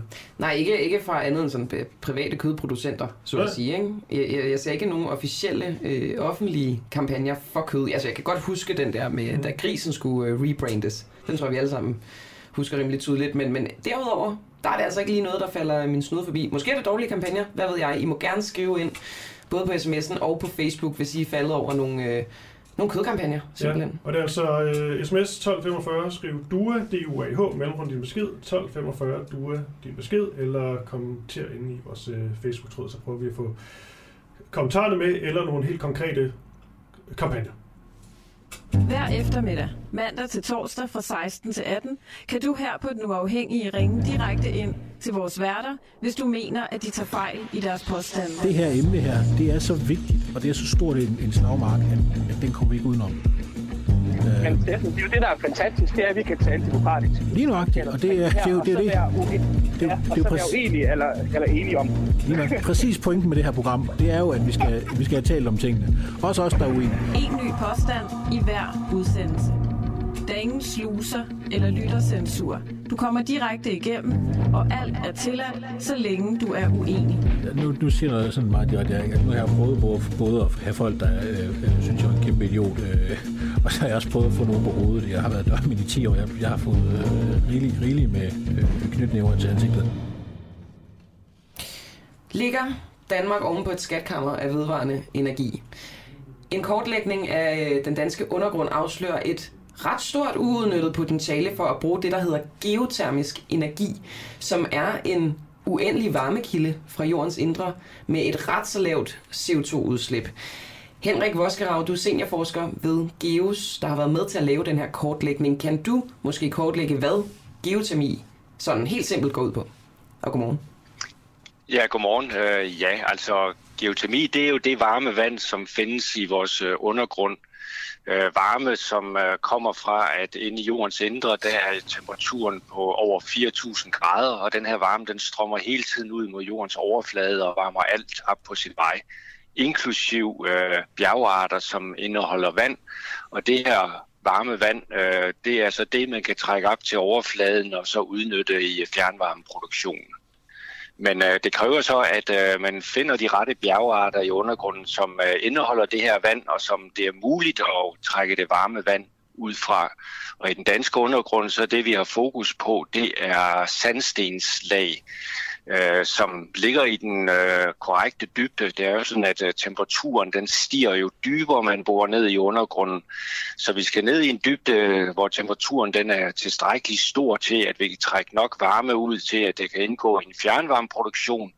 Men vi vil heller ikke så dybt ned, selvom det kunne være fristende, at, øh, at øh, man kan sige, at de her sandstenslag de uh, bliver under så stort tryk og temperatur, at øh, uh, sandskårene bliver masser så meget sammen, at man ikke kan trække vandet ud af, af sandstenen. Så derfor siger vi som tommelfingerregel, at øh, vi har fokus på dybdeintervallet 1 til 3 km dybde. Alright, og øhm, altså nu, nu nævner du det her som ulempe, at man ikke bare kan grave dybere og dybere ned. Men hvad er ellers øh, ulempen ved geotermi? Fordi det er jo ikke noget, vi har set som den aller, aller mest udbredte øh, energikilde. Nej, altså man kan sige, der er nogle øh, der er jo altid nogle udfordringer ved sådan nogle teknologi, men øh, hvis man bare planlægger øh, nøje og så videre, så kan man så tage, tage højde øh, for det. Øh, altså der kan være flere ting, man lige skal have være opmærksom på. Øh, dels er det jo, at man bedst muligt skal kende sin, sin undergrund, så når man øh, laver de her store boringer, øh, har en vis sikkerhed for, at øh, man så rent faktisk finder et af de her sandstenslag, som egner sig til geotermi. Fordi boringerne er dyre, eller hvad? Boring er, er ganske dyre. Sådan på, på land, så, så kan de ligge på en øh, 30-60 øh, millioner kroner for en enkelt boring. Og et geotermianlæg, der skal der altid minimum være to boringer. Der skal være en boring, hvor man trækker det varme vand op fra, og når man så har trukket øh, varmen ud af vandet, så returnerer man det afkølede vand ned i det, vi kalder en injektionsboring, altså en anden boring, som går ned til reservoiret et andet sted, end hvor produktionsboringen henter det varme vand. Så, så, og så kan man så sige, at kemien af det vand, man henter op, den skal man også helst øh, kende. Man, øh, skal, det er jo meget salt vand, man øh, hiver op, og øh, hvis øh, ens anlæg øh, bruger nogle øh, rørmaterialer osv., som øh, er øh, sårbare over for, øh, for salint vand, øh, og hvis der kommer ilt ind i systemet, øh, så kan man jo godt risikere for eksempel, at øh, ens rørsystemer begynder at ruste, og der falder rust ud. Og, og vandet kan også, så... kan også indeholde altså forskellige øh, gasser, CO2 og metan, er det korrekt forstået? Øh, det kan det i princippet godt, altså ligesom man øh, har boret efter olie og gas, øh, det har man igennem tidens løb også boret efter på land i Danmark, men øh, Øh, det er ikke noget, man øh, støder på øh, i på land. Øh, mange af alle, alle de olie- og gasboringer, der er foretaget på land, øh, der har man ikke fundet olie og gassen. Det har man så til gengæld jo fundet ude i, i Nordsøen. Men øh, det er altså ikke et, et, øh, noget, der vækker bekymring øh, generelt i det danske om, øh, landområde, at man øh, støder på store gas- og olieforekomster, når man borer efter geotermisk vand. Henrik Vosgrav, jeg, jeg, jeg synes, det er ret spændende. Potentialet for det er ret spændende. Jeg har så også læst mig frem til, at øh, fordi vi i Danmark, som du siger, vi skal bore sådan godt ned i undergrunden, så kan vi kun bruge øh, den her energi til opvarmning af huse, altså til opvarmning, men ikke til at producere elektricitet ved hjælp af vanddamp. Er det korrekt? Det er korrekt. Altså udgangspunktet er, at vi går det efter det varme vand til, øh, til fjernvarmeproduktion. Øh, hvis man skal bruge det til elproduktion, ja, så skal temperaturen være over 100 grader i hvert fald. Og det er jo så geologien, der er afgørende for, om man kan det. Hvis vi kigger op til, til Island, øh, så er der en helt anden geologi, man har deroppe. Øh, der kan man jo netop øh, øh, bare ganske nogle steder få meter ned i undergrunden, og så er temperaturen øh, så varm, at øh, man kan bruge øh, det til el. Så, så træerne vokser ikke ind i himlen og heller ikke ned i undergrunden, så altså de ville ikke kunne hjælpe os, hvis vi havde en masse af de her anlæg og havde råd til dem osv. Det ville ikke have kunne hjælpe os med den her øh, elkrise, som vi står overfor lige nu med stigende elpriser. Nej, altså fokus med geotermien, det er uh, i det danske område, det er til fjernvarmeproduktion. Men nu hører vi jo netop om uh, priser, der stikker af på opvarmning ved hjælp af gas og olie osv. Og, og uh, der gælder det med geotermien, at det vil vi jo ikke opleve i samme grad, fordi uh, geotermien den er i høj grad uh, uafhængig af stigende elpriser, olie- og gaspriser. Der skal bruges lidt el til... Uh, geotermi, fordi man skal bruge noget el til at øh, hente det varme vand op, altså pumpe det varme vand op og sådan. Men øh, det er meget begrænset i forhold til al den varme, man får ud. Og øh, i princippet så kunne den el også hentes fra vindenergi og solenergi, sådan at øh, geotermien den bliver fuldstændig grøn. Så, så hvor meget kan den her øh, energikilde redde os? Altså, som udgangspunkt synes jeg, det lyder godt det her med, at den jo er vedvarende. Den er mindre sårbar end for eksempel øh, bølgekraft eller vindkraft. Hvor meget kommer den det, til det. at kunne, øh, kunne, kunne, kunne hjælpe os i klimakrisen? Jamen, øh, Øh, altså for det første, så er det jo rigtigt, hvad du siger. Den er i modsætning til sol- og vindenergi, så er den ikke sådan afhængig af, at solen skinner eller vinden blæser. Den er simpelthen til stede hele tiden i vores undergrund, og vi har den i vores egen undergrund. Og potentialet med hensyn til fjernvarme opvarmning, det er jo ganske stort. Altså der er forskellige vurderinger, men en vurdering, den lyder i hvert fald på, at øh, 20-30 procent af alle de danske boliger, som indgår i fjernvarmenettet, de kan opvarmes via hjælp af geotermisk energi. Og Danmark er jo meget begunstet i forhold til mange andre lande, at vi har et vidt udbredt øh, fjernvarmenet, som kan anvendes til at distribuere den her varme ud. Men geotermien er jo altså mest oplagt øh, at bruge de steder, hvor der også er nogle øh, mange aftager af geotermien. Og, øh, så derfor øh, i første omgang er de mest oplagte steder, det er jo, hvor man har et større fjernvarmenet, hvor man har større byer, og hvor geologien så samtidig ser ud til at egne sig til at kunne anvendes. Du talte om det her med, at det er dyrt at lave de her boringer. Mange, øh, mange millioner kroner. Det sidste, jeg gerne vil spørge dig om, Henrik øh, Voskerav, seniorforsker ved GEOS. Altså de her anlæg, man ligger, er det korrekt forstået, at øh, når vandet ligesom er kommet op, og, øh, og varmekilderne så på et tidspunkt begynder at, at køle ned, så skal, man, så skal anlægget simpelthen flyttes? Så kan det ikke bruges mere. Altså det er, man kan sige, at øh, der sker jo det, at når man returnerer det afkølede vand øh, nede i det sandstenslag, som man henter det varme vand fra, så skal den her øh, det sted, hvor man henter vand fra, og hvor man returnerer det afkølede vand, det skal være en vis afstand fra hinanden. Det skal jo ikke lige sættes ned det samme sted, som hvor man henter det, fordi øh, så bliver det hurtigt afkølet. Men over en overrække, så vil det afkølede vand, det vil bevæge sig hen mod det sted, hvor man henter det varme vand. Men det er altså noget, der tager meget lang tid, og på sin vej hen, øh, det afkølede vej, øh, vands vej på vej hen øh, mod, hvor man henter vandet, det varme vand, ja, der vil blive gradvist opvarmet igen af de omkringliggende lag, og så altså også den varme, som strømmer ud fra jordens indre. Så man vil i høj grad kunne benytte den geotermiske energi i meget lang tid. Og øh, de her anlæg på jordens overflade behøver man ikke som sådan at flytte, og de, de fylder i øvrigt ikke ret meget på jordens overflade, sådan geotermisk anlæg. Men øh, for eksempel nu her i Tisted, der har vi haft et geotermisk anlæg, som har kørt siden øh, 1984 med stor succes. Og der for nogle år siden, der valgte man at lave en ekstra boring øh, for at kunne udnytte den geotermiske energi, energi i endnu højere grad øh, i fjernvarmenettet i Tisted. Så der er altså også den mulighed, at øh, jamen, øh, det geotermiske anlæg kan blive liggende, hvor det er, men øh, man kan placere en, en ny boring et andet sted, og på den måde beholde øh, anlægget i længere tid. Men som sagt i Tisted, der har anlægget jo altså været der helt siden 1984.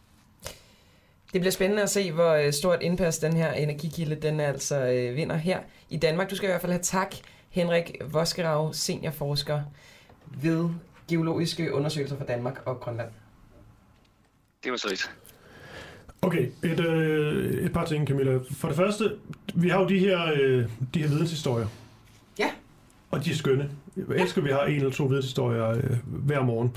Også fordi geotermisk Energi. energi, det blev sagt mange gange. Ja, og så... det er så, sjældent, bliver sagt så mange gange. Jo, jo, men det er rigtigt, men, men jeg synes, det, det er spændende. Det er altid spændende, når der kommer en, øh, en når der træder en ny energikilde ind på banen. Ja. Øh, og så endda en, der er vedvarende. Jeg synes jo, det er et problem med vindkraft, at altså, det er jo en af grundene til, at elpriserne er råd i vejret. Det er, at det simpelthen ikke blæser særlig meget i sommeren 2021. Ja. Det virker sårbart. Okay, så skal vi lige øh, huske at sige, at øh, der er kommet en del beskeder ind med, at der er et eller andet med lyden. Altså, jeg tror stadig, folk kan høre os, men det er lyden ret dårlig. Og vi kan også være helt ærlige at sige, at vores mikrofoner, det lyder lidt som om, vi taler i sådan et øh, ekokammer eller sådan noget. du sidder nede i en lille blikdåse i hvert fald, Ja. ja. lyder det som om. Men øhm, Jeg ved ikke, hvorfor du er gået derned. nej, jeg håber, det, det, bliver, det bliver bedre, og I trods alt kan høre, høre os. Og det lyder det til, for der kommer beskeder ind.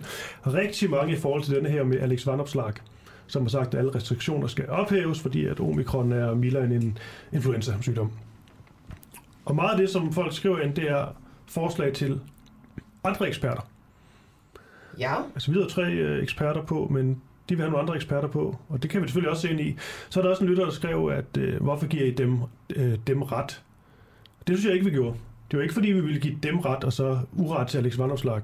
Men det vi hellere ville, det var ligesom at sætte lidt pres på Alex Vandopslag, så han selv kan stille op og så svare. Det er meget svært at, at, at sige noget om ham, når han ikke vil, vil sige andet end den udtalelse, han Ja, så er kommet med. var- Men, men jeg synes da helt klart, hvis der er bud på nogle andre eksperter, det vil jeg da sindssygt. Morten Sus foreslår Morten Petersen, professor i biologi. Så er der to øh, forslag her fra Ole Abelgaard, Kasper Planeta Kep og Martin Kuldorf, svensk. Sus foreslår også en Christian Akim Jacobsen. Og det, det, der er rigtig mange bud. Vi skal nok uh, tage Ja, med. dem ringer vi da til. Bestemt. Ja. Det er da spændende, hvis de siger noget andet. Altså, hvis de skulle lægge sig lidt mere op af det, som øh, Alex Van Opslark siger. Det vil jeg da virkelig gerne høre. Bare Ja. også for at nuancere det hele. Ja, og, og glad for, at I, øh, I lytter med her live. Også øh, klokken er blevet 8, ja, 16 minutter over 8, også selvom lyden måske er ikke så god, som den, den plejer. Vi har stadigvæk nogle, øh, nogle gode ting til jer.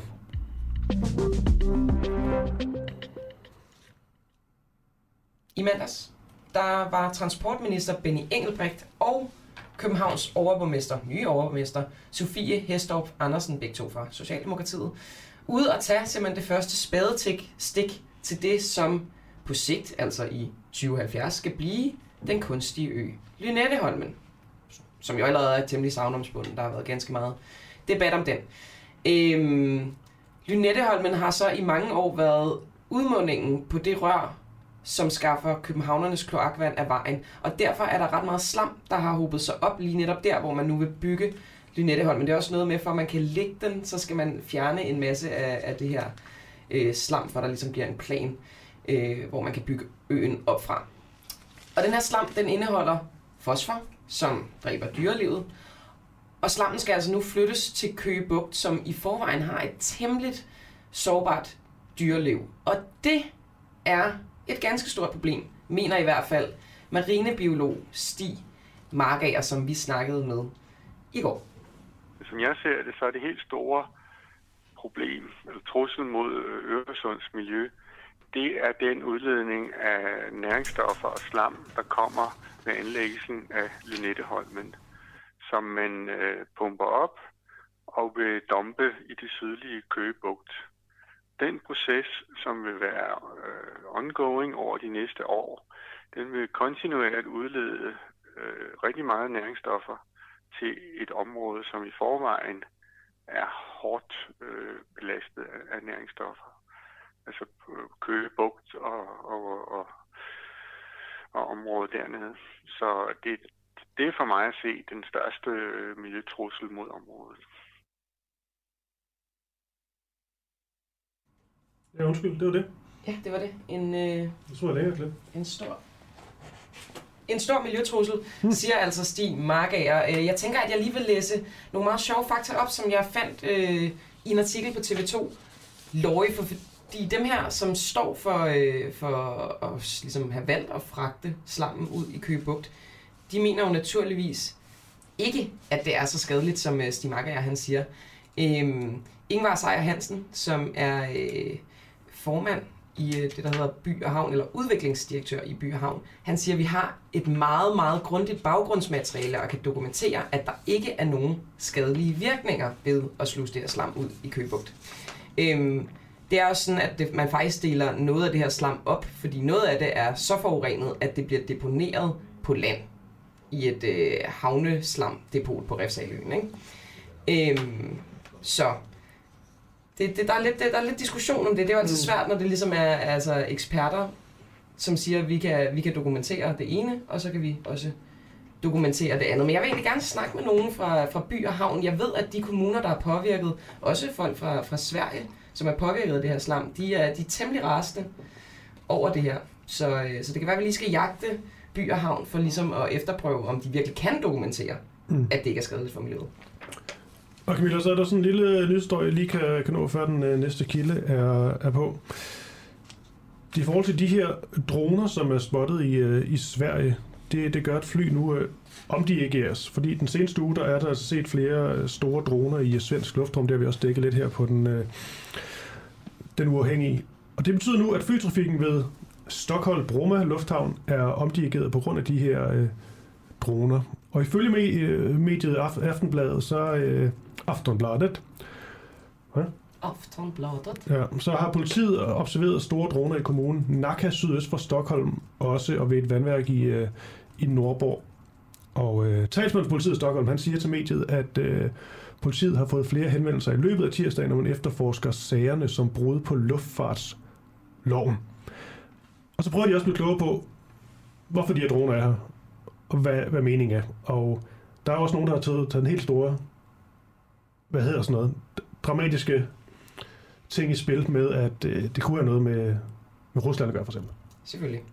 Selvfølgelig er der nogen, der, der laver den kobling. Det, det er altid spændende. Jeg tror, folk generelt er meget bange for droner i virkeligheden. Jamen, og så er der også det, som også gør det ekstra interessant, det er, at både mandag og tirsdag, der blev ligesom observeret de her droner, men meget, meget tæt på, øh, ved flere, eller faktisk ved flere landes atomkraftværker. Præcis. Og øhm, ja, vi undersøger bare, bare, hvad der sker. Nu er der for nogle fly, der er blevet, blevet omdirigeret, og det er vist nok øh, senest nyt.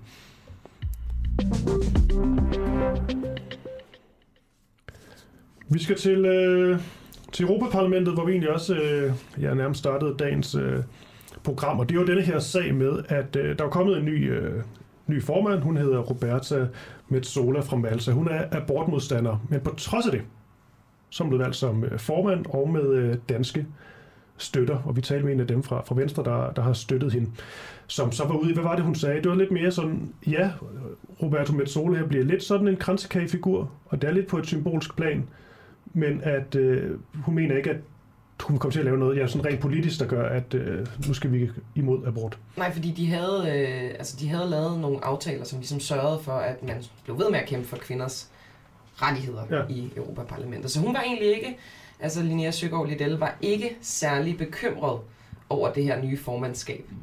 Nej. Og nu kan vi tale med øh, Kira Marie Peter Hansen, MEP for, for SF. Og øh, jeg tænker egentlig bare starte lige ud, Kira, øh, og høre, om I ville have fået nogle, øh, nogle fede poster, hvis I havde valgt at stemme på Roberta Metsola. Og godmorgen. Godmorgen. Det er et godt spørgsmål. Øhm, det, det tror jeg ikke nødvendigvis, vi ville have haft. Altså, hvis jeg, hvis jeg skal være helt ærlig, så har der jo været øh, forhandlinger mellem alle grupperne. Og vores gruppe har også været, været en del af de forhandlinger, men øh, man blev lidt skubbet ud for døren øh, til sidst, øh, fordi de tre store grupper heller ville, ville dele tingene mellem sig selv end mellem en, en fjerde gruppe, så jeg tror ikke, vi ville have kunne få okay. noget nævneværdigt ved at støtte Og der var øh, fire kandidater, og øh, ja, du valgte så... Er det ikke rigtigt? Ja, og du valgte så... Øh, der var tre. Tre? Jamen, den sidste, den, den, den fjerde, den trak sig tæt på. Den, den trak sig. øhm, men øh, du valgte så at stemme på, på en anden. Hvem stemte du på? Øh, jamen, jeg stemte på Alice Kyne, som er øh, grøn øh, mapper fra Sverige, øh, som sidder for Miljøpartiet i vores gruppe. Mm. Og hvis vi lige skal tage de to, øh, Alice Kynke og så Roberto Metsola, hvor, øh, hvor adskiller de sig helt konkret? Jamen, de adskiller sig jo på spørgsmålet til, til abort. Mm. Altså, Alice er svensk feminist. Det kan næsten ikke blive øh, mere feministisk. Øh, og Metula øh, kommer fra et øh, katolsk medlemsland, der, øh, der er imod den frie abort. Øh, så der adskiller de sig, og så gør de det jo også på, øh, på mange spørgsmål omkring transparent. Altså, jeg tror, Metula er en bedre kandidat, end hvad man, hvad man kunne få for, for den konservative gruppe, når det gælder transparens. Men for eksempel sådan noget med kontrol med blyantspenge, det er jo Mm. også det, som den her formand kan, kan sætte i værk. Øh, og der adskiller de sig også. Så der er Kan du lige uddybe det her med transparent og blyantspenge giver? Ja, altså det er fordi noget af det, som øh, der er jo, det er på sin vis rigtigt, når Linnea siger, at der ikke er så meget politisk i den her øh, figur. Øh, der er nogle forhandlinger med medlemslande, men rigtig meget den interne rolle. Øh, og vi diskuterer pt. hvordan vi skal reformere Europaparlamentet. Øh, og det lyder givetvis lidt tørt, men det handler om for eksempel, skal MEP'er have, øh, skal de tage til øh, sexual harassment øh, kurser, eller skal det være frivilligt? Skal vi lægge vores bilag til blyantspenge frem? Skal man have adgang til at kunne se, hvem der stemmer på hvad, i stedet for hemmelige afstemninger? Hvordan skal vores debatter være? Og der Så er Roberta sådan Metsola, øh, altså der går hun ind for mere transparens, inden for eksempel Alex, Alice Kynke, som du, øh, som du gav din stemme til. Øh, nej, mindre. Altså hun, Mindre, hun, okay. øh, da hun var i vores gruppe, så forpligtede hun sig for eksempel på, at hun gerne ville have øh, obligatoriske kurser i øh, sexual harassment. Øh, men jeg tror hverken hende og ellers heller ikke i hendes gruppe, er der et flertal for f.eks. gennemsigtighed i vores blyantspenge. Kira, hvor nervøs er du for øh, den nye formand? Altså måske også i henhold til abort øh, spørgsmålet. Altså er du bange for, at hun kan gå ind og simpelthen påvirke hele debatten, påvirke måske altså et land som Polen, hvad der skal ske der i fremtiden? Øhm, jeg, jeg, jeg er ikke decideret bange, øh, men, men der, hvor jeg er bekymret, det er for eksempel, når det gælder Polen, fordi det er jo Metzler, der sidder for bordenden øh, i rigtig mange af de sådan, i topmøderne, når vi sidder og forhandler med de andre lande. Og det er jo klart, det kan jo nemt klinge lidt hu, hvis Europaparlamentet prøver at slå med den store tromme på Polen og deres abortlovgivning. Og hvis jeg selv har en kvinde i front, der er imod. Øh, hun har også heldigvis lovet, at hun står på, på parlamentets flertal og repræsenterer det mandat, der er i parlamentet. Og det er jo så det, vi kommer til at holde hende op på fremadrettet. Noget af det, vi jo også talte med øh, Linnea Søgaard, øh, Lidal fra Venstre om, det var det her med det symbolske i det. Fordi øh, der er meget symbolsk øh, forbundet med den her formandspost, men der er også rigtig meget symbolik forbundet med abort og abortmodstand. Hun er, det kan godt være, hun så øh, følger det, øh, parlamentet siger, men hun er sådan helt personligt abortmodstander. Er det ikke, synes du, lidt skandaløst, at vi har danske politikere, der støtter en abortmodstander som formand? Øh, jo, det synes jeg da. Øh, jeg synes at det ville have givet langt bedre mening, at de støttede øh, både en, der var svensk, øh, som det er langt mere sådan national værdifællesskab med os, øh, men også fra for eksempel øh, dele af Radikal Venstre og Socialdemokratiet at stemme på en fra, fra SF's søsterparti, end frem for en fra de konservatives. Øh, det synes jeg, der ville have givet, givet langt mere mening. Men hvor, Øh, ja, men hvor tungt vejer det her med øh, abortspørgsmålet? Fordi Lin, øh, Linnea Søgaard Liddell, hun, øh, Liddell, hun, var ude og ligesom argumentere for, at det gav meget god mening at, at, at stemme på Roberto Metsola, men var ikke enige omkring det her med abort, øh, selvfølgelig. Men hvor, hvor tungt vejer det for dig, at de alligevel har valgt at give en opbakning, på trods af, at hun simpelthen er modstander af abort? Øh, jeg synes, det vejer ret tungt, fordi mm. vi ser jo lige nu et, et kæmpe backlash på kvinders rettigheder, og især retten til, til fri abort, både i Polen, men også andre steder i Europa og, og ude i verden.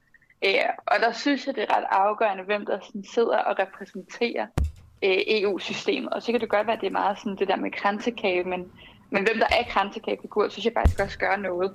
Øh, for eksempel for de mennesker, der går på gaden i Polen, hvis de nu kommer til at se Nå, så støttede Europaparlamentet øh, lige pludselig op om en abortmodstand. Jeg tror ikke, det sådan, øh, giver særlig meget håb, øh, som jo er det, som, som parlamentet også i rigtig mange tilfælde kan, rent sådan udenrigspolitisk og diplomatisk. Øh, men jeg tror, jeg vil ikke sådan rigtig gå ind og blande mig i, hvorfor mine kolleger har stemt, som de gjorde. Altså, der er jo en masse politiske øh, lokumsaftaler bag det, som jo øh, har gjort, at de synes, det har givet mening. Så, sådan, er, poli- sådan er politik, men du kan jo øh, stadig godt være, være far over, at de vælger en øh, abortmodstander som formand.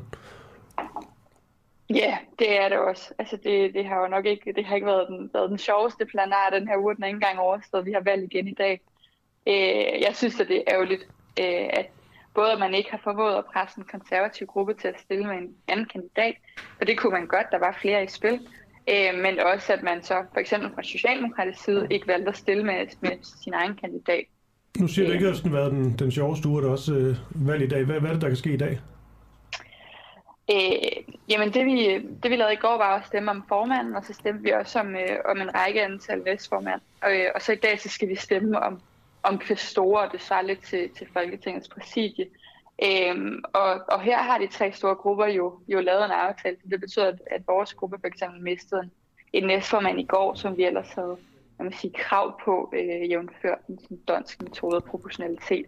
Øh, så det er ikke den fedeste uge at være, være grøn politiker i Bruxelles. Men er det så, fordi I ikke har gjort det godt nok? Øhm, det kan godt være, det er jo, altså vi går i gang med at, at lave sådan en lille selvrensagelse nu. Det kan jo, jeg tror også, det skal skyldes, at, at Macron og, og hans øh, franske venner i Renew ikke har lyst til at få, få grønne politikere ombord lige en valgkamp. Øh, og hvis man tager fire parti ind, så er der flere, der skal dele posterne. Øh, jeg tror, der er mange holdninger til, hvorfor at, at det er, som det gjorde. Vi, vi laver selvfølgelig også øh, eller sådan tager mm. det jo også op til overvejelse hos os. Ja, fordi det, mit spørgsmål går jo på, at så, så lyder det sådan, at det måske næsten er lidt... Da vi talte i starten, at så det næsten var lidt, øh, sådan lidt, øh, lidt synd for jer, at de ligesom laver de her, de her aftaler taler udenom og så videre. Men det er vel bare politik? Øh, til dels, altså...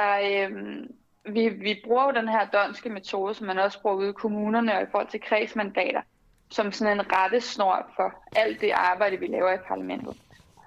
Og der synes jeg, det er ret sindssygt, at man går ind og bryder med det princip. Altså, og det er jo meget institutionelt spørgsmål, men det er det, der afgør, hvem der får udvalgsposter, formandsposter og antal af lovgivningsfiler. Øh, så at man bryder med det for i to og et halvt år, altså det er et system, der har stået siden parlamentets begyndelse, at man bryder med det for at kunne få øh, en ekstra øh, viceformandskabspost end et fransk valg, det, det, synes jeg, det synes jeg ærligt talt er lidt grotesk. Er det magtligt? Øh, ja, det, det synes jeg også, det er altså jeg synes, den liberale gruppe har, har ravet til sig som, så meget, som de overhovedet kunne, og presset de andre grupper. Det er så gået ud over os, øh, og, og det er jo et færre trade for den konservative socialdemokratiske gruppe, at de hellere vil lade det gå ud over os end dem selv. Øh, men, men jeg tror, det kommer til at have en, en relativt stor indvirkning på, på vores brede politiske samarbejde i de pro-europæiske grupper øh, de kommende øh, to og et halvt år. Okay. Kira Marie Peter Hansen, MEP for, for SF. Tak fordi du med her til morgen. Fortsat god dag. Selv tak. God dag.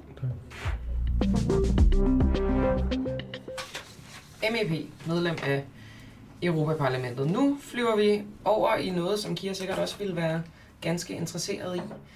Bekæmper regeringen sig selv i kampen om at få flere til at spise plantebaseret. Jeg har lyst til, Kristoffer, at vi skal spille et klip med klimaminister Dan Jørgensen og forhenværende fødevareminister Mogens Jensen fra august 2020. Det er sådan en øh, video, hvor at de står og laver klimavenlige frikadeller, og hvordan, snakker om, hvordan man kan hjælpe klimaet ved at lave de her frikadeller. Skal vi ikke lige høre den? Jo, lad os prøve. Det er klimavenlig mad. Alle skal smage. Yes. Skal smage den? Det, man vel kan sige om Mogens Jensen i køkken, det er, det går stærkt. Squash. Nå Jensen, nu er det jo ikke, fordi jeg på nogen måde vil virke belærende, men hvis du lige vil have en lille lektion i, hvordan man sparer en perfekt frikadelle. Nå lige... Mm. Ja, ja, det kører du. Mm. Men den er rigtig god. Jeg er imponeret over, at du har simpelthen stået i køkkenet og lavet sådan Ja, vi har stået i hendes majestæts festkøkken. Voila. Jensen, jeg har fundet gryden. Nej, nej, nej, nej, Jens. For fanden, det her det er et museum. Hold da op. Skal jeg fortsætte? Så pister du mig i hvert fald. Ja. Den her. Jeg, jeg, jeg, jeg røg, da han sagde squash. Ja. Voila. Okay, de hygger sig, Jensen og Jørgensen. Det er et godt team. Um, det er også lidt med, når man skal lave sådan, uh, gøre det lidt funny funny, så siger man frikadunse. Har du mærket det? Det gør helt normalt. Det gør jeg i hvert fald ikke. Nå. Nå. Stopper. Nå, men øh, for at blive lidt mere øh, seriøs igen. Nej, ja, stop det. Når, øh, når regeringen ligesom uddeler flere offentlige midler til kampagner for kød, frem for kampagner til plantebaserede produkter, så gør de det jo samtidig lidt vanskeligere for sig selv og for danskerne til at spise mere grønt og plantebaseret. Det mener i hvert fald Klimarådet. Og nu har vi øh, næstformand i netop Klimarådet med Jette Bredal Jacobsen. Øhm, hvad er det for nogle offentlige midler, der er tale om til de her kampagner, og godmorgen? Ja, godmorgen.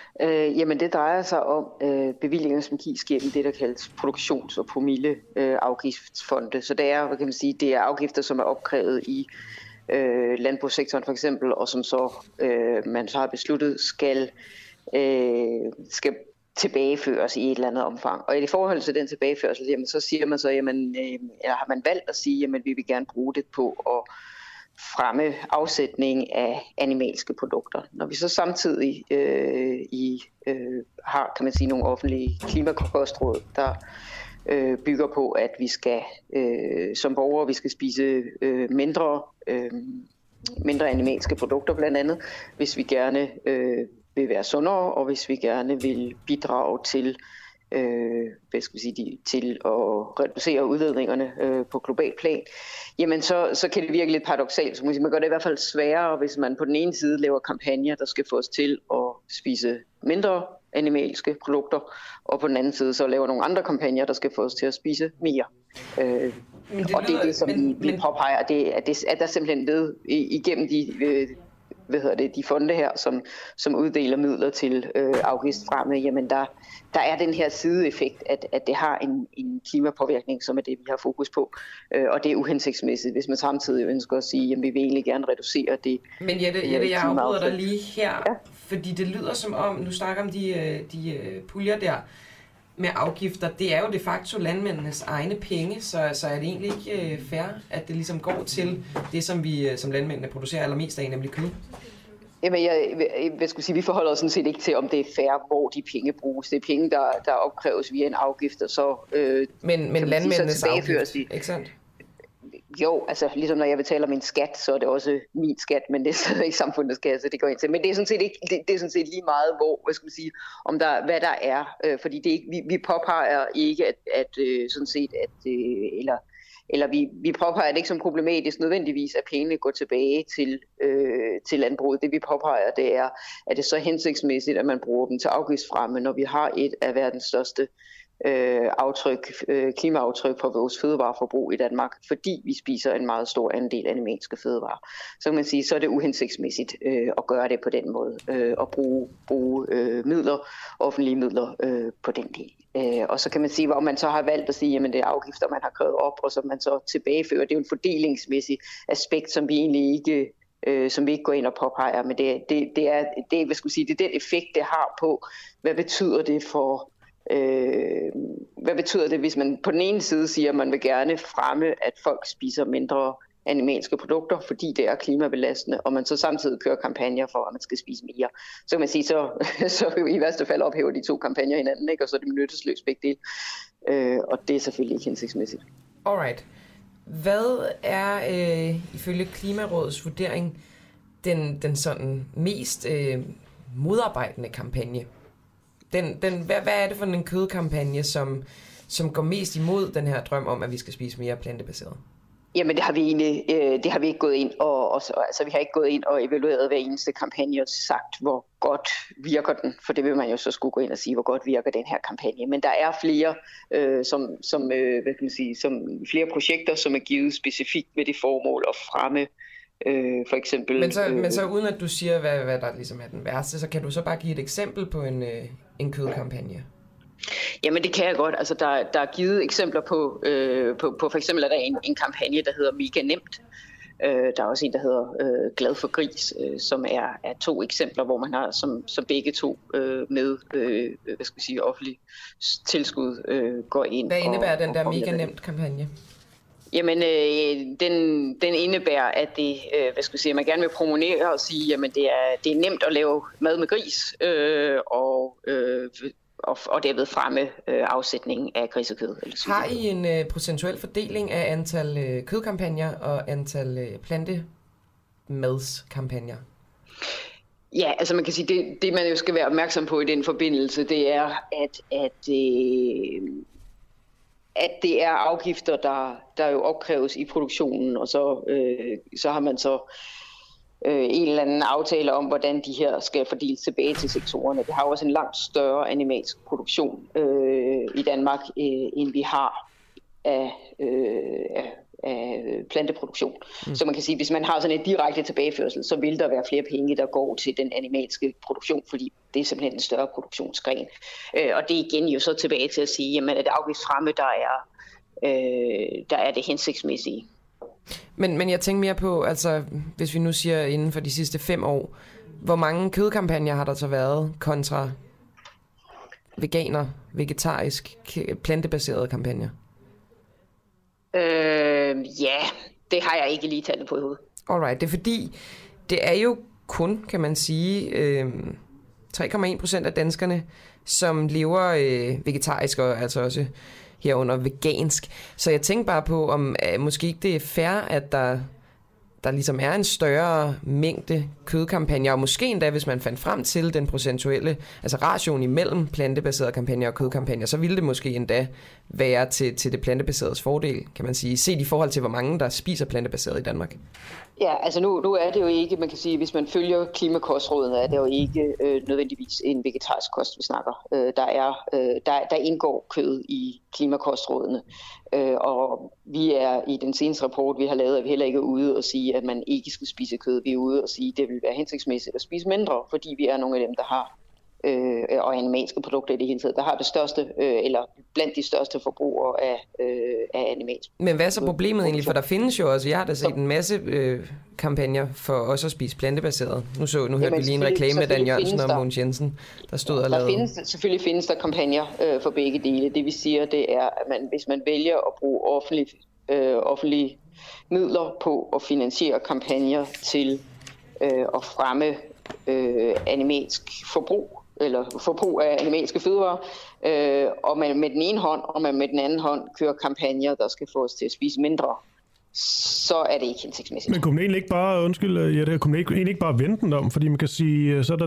3,1 procent af danskerne, som lever øh, vegetarisk. Jamen, jeg tror, vores pointe er, at det er ikke de 3,1, altså det er ikke, vi, vi har ikke fokus på, at man skal blive vegetar, alle hele Danmarks befolkning skal blive vegetar. Nej, nej, men det er bare, det, vi siger, det, det, er, det hensigtsmæssigt okay, men det er bare en, øh, ja, ja, men det er bare en, det er bare en idé, jeg lige fik her, fordi så er der 97 procent, som, øh, som spiser spiser kød, så burde fokus vel måske mere være på at lave endnu flere kødkampagner, men hvor man så bare måske fokuseret på, øh, at man ligesom får det, det bedste kød, og det, der øh, afleder mindst øh, CO2 og alt det her. Altså, fordi hvis der er 97 procent, som spiser kød, så giver det jo god mening, at man laver mange kød, kødkampagner.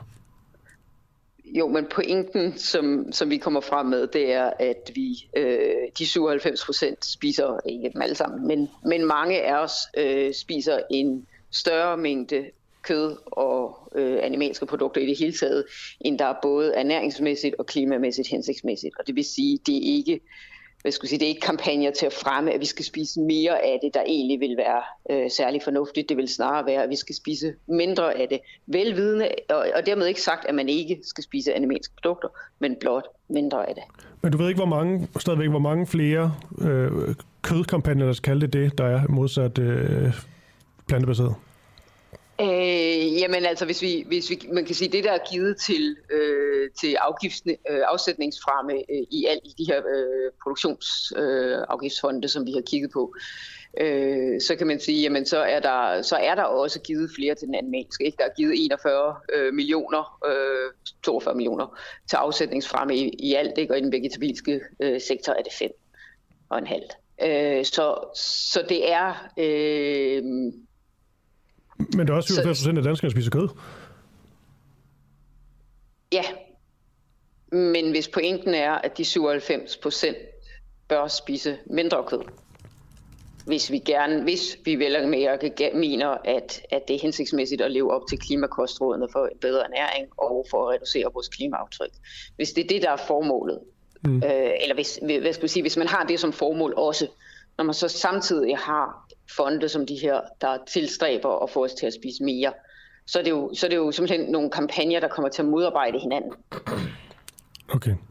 Nå, Jette Bredal Jakobsen, næstformand i, øh, i Klimarådet. Vi skal videre med programmet her, men øh, tak fordi du blev med her til morgen. Selv tak. Hej. Hej.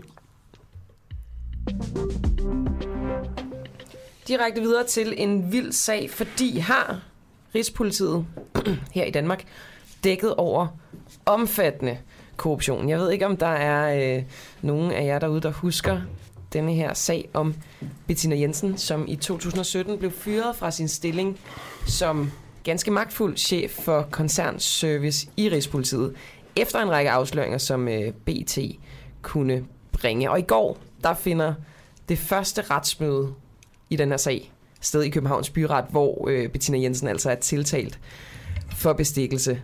Velkommen i studiet, Søren Ishøj, graverjournalist på BT, og manden bag de her afsløringer. Ja, tak skal du have. Hvad, hvad er de vildeste afsløringer, du har lavet i sagen? Måske den vildeste i virkeligheden? Jamen, øh, den vildeste afsløring i den her sag, det er selvfølgelig øh, de her overførsler, øh, som der er gået fra Marianne Færø, som er veninden, og til Bettina Jensen. Øh, små 800.000 har hun fået i overførsler. Øhm, og det var i samme periode, som at øh, Bettina Jensen som afdelingschef i Rigspolitiet hyrede Marianne Færø for 10,5 millioner kroner. Som konsulent? Som konsulent, ja. Og, og problemet i det er, hvis du nu skal lige skal udpensle det? Jamen, i, altså, problemet er i første omgang, at anklagemyndigheden mener, at de her 800.000 som øh, Bettina Jensen har fået sin veninde, at det er bestikkelsespenge. Det vil sige, Bettina Jensen hævder, at hun har arbejdet for sin veninde, samtidig med, at hun hyrede hende til Rigspolitiet. Øhm, men der er det, at anklagemyndigheden de mener, at der er tale om øh, regulær øh, bestikkelse. Det vil sige, at de mener ikke, at der reelt er arbejdet for de her penge. I øvrigt så måtte Bettina Jensen heller ikke arbejde for de konsulenter, hun hyrede til Rigspolitiet. Fordi det giver selvfølgelig en eller anden en, en habilitetskonflikt, hvis man på den ene side giver opgaver til en person, og samtidig får opgaver af den her person. Det er klart. Øhm, men, men hvis vi nu siger, at hun kan dokumentere, at hun reelt har arbejdet for sin veninde, vil det så være en mildere dom? Ja, det, det, det ved det jo. Det ved det jo. Øh, og det er også det, der står helt centralt i sagen. Det er, har Bettina Jensen udført arbejde for Marianne Færø? Øhm, og til det har de fremlagt nogle fakturaer. Øhm, men udfordringen for Bettina Jensen og Marianne Færø er i den her sag, at det langt fra er fakturaer for hele beløbet, øh, de kan fremlægge. Der mangler fakturer for omkring halvdelen øh, af beløbet, som, som de ikke kan redegøre for. Og Bettina Jensen sagde så i går, at de var makuleret øh, en del af de her fakturer. Øh, men, men, men Rigspolitiet, som jo er anmelder i den her sag, mm. er at den øh, opfattelse, at, øh, at det slet ikke er realistisk, at Bettina Jensen har udført så meget arbejde for sin veninde. Fordi Rigspolitiet har jo vidst, hvor meget, skal jeg lige rette den her, hun knoklede i øh, Rigspolitiet øh, i samme periode. Så der var nærmest ikke nok timer i døgnet til at skulle udføre konsulent til at, til at udføre arbejde. arbejde. Øh, så Nishøj, jeg synes jo altid, det er ret interessant, når der sker hvad skal man sige, potentielt i hvert fald kriminalitet inden for dem, der jagter kriminalitetens øh, vægge. Har Rigspolitiet dækket over Bettina Jensen i den her sag? Ja, altså de, de første historier i sagen øh, lavede jeg tilbage i 2016. Øhm, og i første omgang så dækkede de faktisk over det i den forstand, at det, det, den her sag er kørt af to spor. Der har været et vendetjenestespor, og så noget med nogle brud på, på udbudsreglerne, som var meget udbredt i Rigspolitiet. Den del, der handler om udbudsreglerne, øh, der dækkede de over sig selv, kan man sige. Det gennemsyrede hele politiet, at man ikke overholdt de her udbudsregler. Så det var ikke kun Bettina Jensen? Nej, det var ikke kun Bettina Jensen, men hun var ansvarlig for det. I forhold til, øh, til, til, til vendetjenester, jamen der har Rigspolitiet et langt stykke af vejen øh, dækket over det. Men det er klart, de har jo også internt spurgt hende, hvad er din relation til den her øh, kvinde, øh, som du har hyret, hvor hun så har fortalt dem, jamen det er bare en professionel relation. Så det er jo klart, der er nok ikke nogen inde i Rigspolitiet, der har vidst, at de her overførsler fandt sted. Fordi det er jo kun noget, som Bettina Jensen og Marianne Færø har kendt til. Men hvordan, så, så, hvordan har de så øh, dækket over det? Jamen det har de i den forstand, at når jeg spurgte dem, ja. om der var nogen indikation på vendetjenester, så fik jeg det svar, at det var der ikke. Øhm, og øhm, den ledelse, der så var... det er vel mere, at de vender det blinde øje til, end at de har decideret dækket over det? Ja, det, det kan man sige. Altså, de har, måske, de har jo ikke nødvendigvis dækket over det i ond tro, men man kan sige, Bettina Jensen, som jo var en del af ledelsen i Rigspolitiet dengang, har jo dækket over det. Så på den led har Rigspolitiet, kan man sige, eftersom hun var nummer tre i det her øh, hierarki i Rigspolitiet, så har de jo dækket over det. Øhm, på et tidspunkt i 2017 kommer der en ny økonomidirektør til, som han hedder Thomas Østrup, som sætter sig for at vil rydde op. Og fra deraf begynder det at, hvad kan man sige, tippe den anden vej, således at man, man ligesom siger, nu vil vi til bunds i det her, vi vil ikke dække over noget. Og det er så også ham, der eksekverer en fyring af Bettina Jensen i februar 2017. Og Søren, øh, du øh, har så vidt jeg er orienteret udgivet, I udgav en podcast om det ja. her på BT. Politichefens hemmelighed. Ja, og den kan man jo gå ind og finde, og så går jeg også ud fra, at du følger det her øh, retsmøderne ja. ret tæt i Københavns ja. byret. Så måske vi skal lave en opfølgning på det, når der er nyt i sagen. Til allersidst vil jeg gerne spørge dig, fordi jeg synes jo, det er ret spændende, når det kommer til graverjournalistik at den måde, en sag ligesom kan fødes på, det kan være på alle mulige måder. Til et middagsselskab, at man står fuld i et hjørne, eller at man søger en agtindsigt. Hvem tippede dig om den her sag? Ja, øh, for dem, der, der har lyttet til, til, til podcasten, så, så vil de vide, at man støder på en, der hedder Truls. Og mere siger jeg ikke om, hvad han hedder. Øh, men han, han er faktisk med i den her podcast. Øh, og han fortæller, øh, han faktisk, det var lidt tilfældigt, altså han, han har en fortid i, i Rigspolitiet, og, og ringede ind til BT, og fik på den måde fat i mig. Øhm, så han er jo en, øh, vedkommende er en, en klassisk øh, whistleblower, kan man sige. Som ikke længere, og som da du begyndte at skrive om det, ikke var i Rigspolitiet. Nej, han var ikke i Rigspolitiet. Men han undrede sig over de her store millionudbetalinger til de her konsulenter, som han så i forbindelse med hans job i, i Rigspolitiet. Og det var den undren, der gjorde, at han valgte at gå til BT. Og derfra var det jo så et, en, en opgave for mig at, at afdække det hele, søge agtindsigt, øh, få fat i andre kilder osv., og, så videre, og så prøve at grave hele den her øh, sag ud, som jo i første omgang var nogle indiser jo. Det er jo meget, meget svært at afdække vendtjenester, hvis ikke man har været en flue på væggen. Øhm, så Øh, ja. Ja, så altså øh, agtindsigter og whistleblower, en journalist, journalists bedste ven, Søren Ishøj. Tusind tak, fordi du kom ind og fortalte det om det, og vi, øh, vi hører nok mere fra dig, som øh, sagen ligesom ruller. Tak.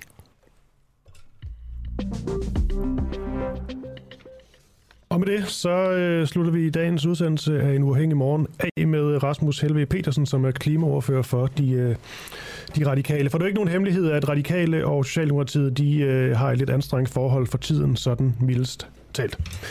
Spørgsmålet er bare, om øh, Dan Jørgensen, klimaminister Dan Jørgensen, han rent faktisk bærer et ansvar for, at radikale ikke længere vil pege på en øh, S-regering, som det ser ud lige nu. En ren S-regering, en ja. etpartisregering. Og det er jo egentlig ikke noget, man har hørt Sofie Carsten Nielsen tale så meget om konkret, så øh, nu tænker vi simpelthen at spørge, om det også er en af, en af årsagerne, måske den, den primære. Rasmus L.V. Petersen, klimaordfører for de radikale. Jeg vil gerne lige starte med at høre dig. Er du tilfreds med øh, Dan Jørgensen som, øh, som klimaminister? Og godmorgen til dig. Jamen, jeg har jo ikke noget mod Dan Jørgensen som person, men jeg synes, at regeringens klimapolitik går for langsomt. Det er jo ikke et personspørgsmål. Det er et spørgsmål om, at vi vil mere og hurtigere på klimaet, end det vi får fra den nuværende regering. Men nu sagde jeg også som, øh, som klimaminister, så det er jo det, vi handler om. Det handler ikke om øh, personen Dan Jørgensen. Ham som klimaminister, ja. gør han det godt nok? Nej, jeg synes, det går for langsomt. Jeg synes, vi har haft for lidt handling i de her forløbende to og et halvt år, og øh, det har vi jo altså presset noget på for at få, og det har været noget frustreret over, I har fået. I har presset på, I har været frustreret, men Rasmus Helve Petersen, det er jo også jer, der giver stemmer til, at regeringen kan bestå. Ja, det er jo også nu, vi har meldt ud, at vi ikke kommer til at lægge stemmer til en etpartiregering næste, efter næste folketing. Kommer til, men hvorfor ikke bare nu? Altså det, det er faktisk det er noget, jeg undrer mig over, fordi I har jo den magt.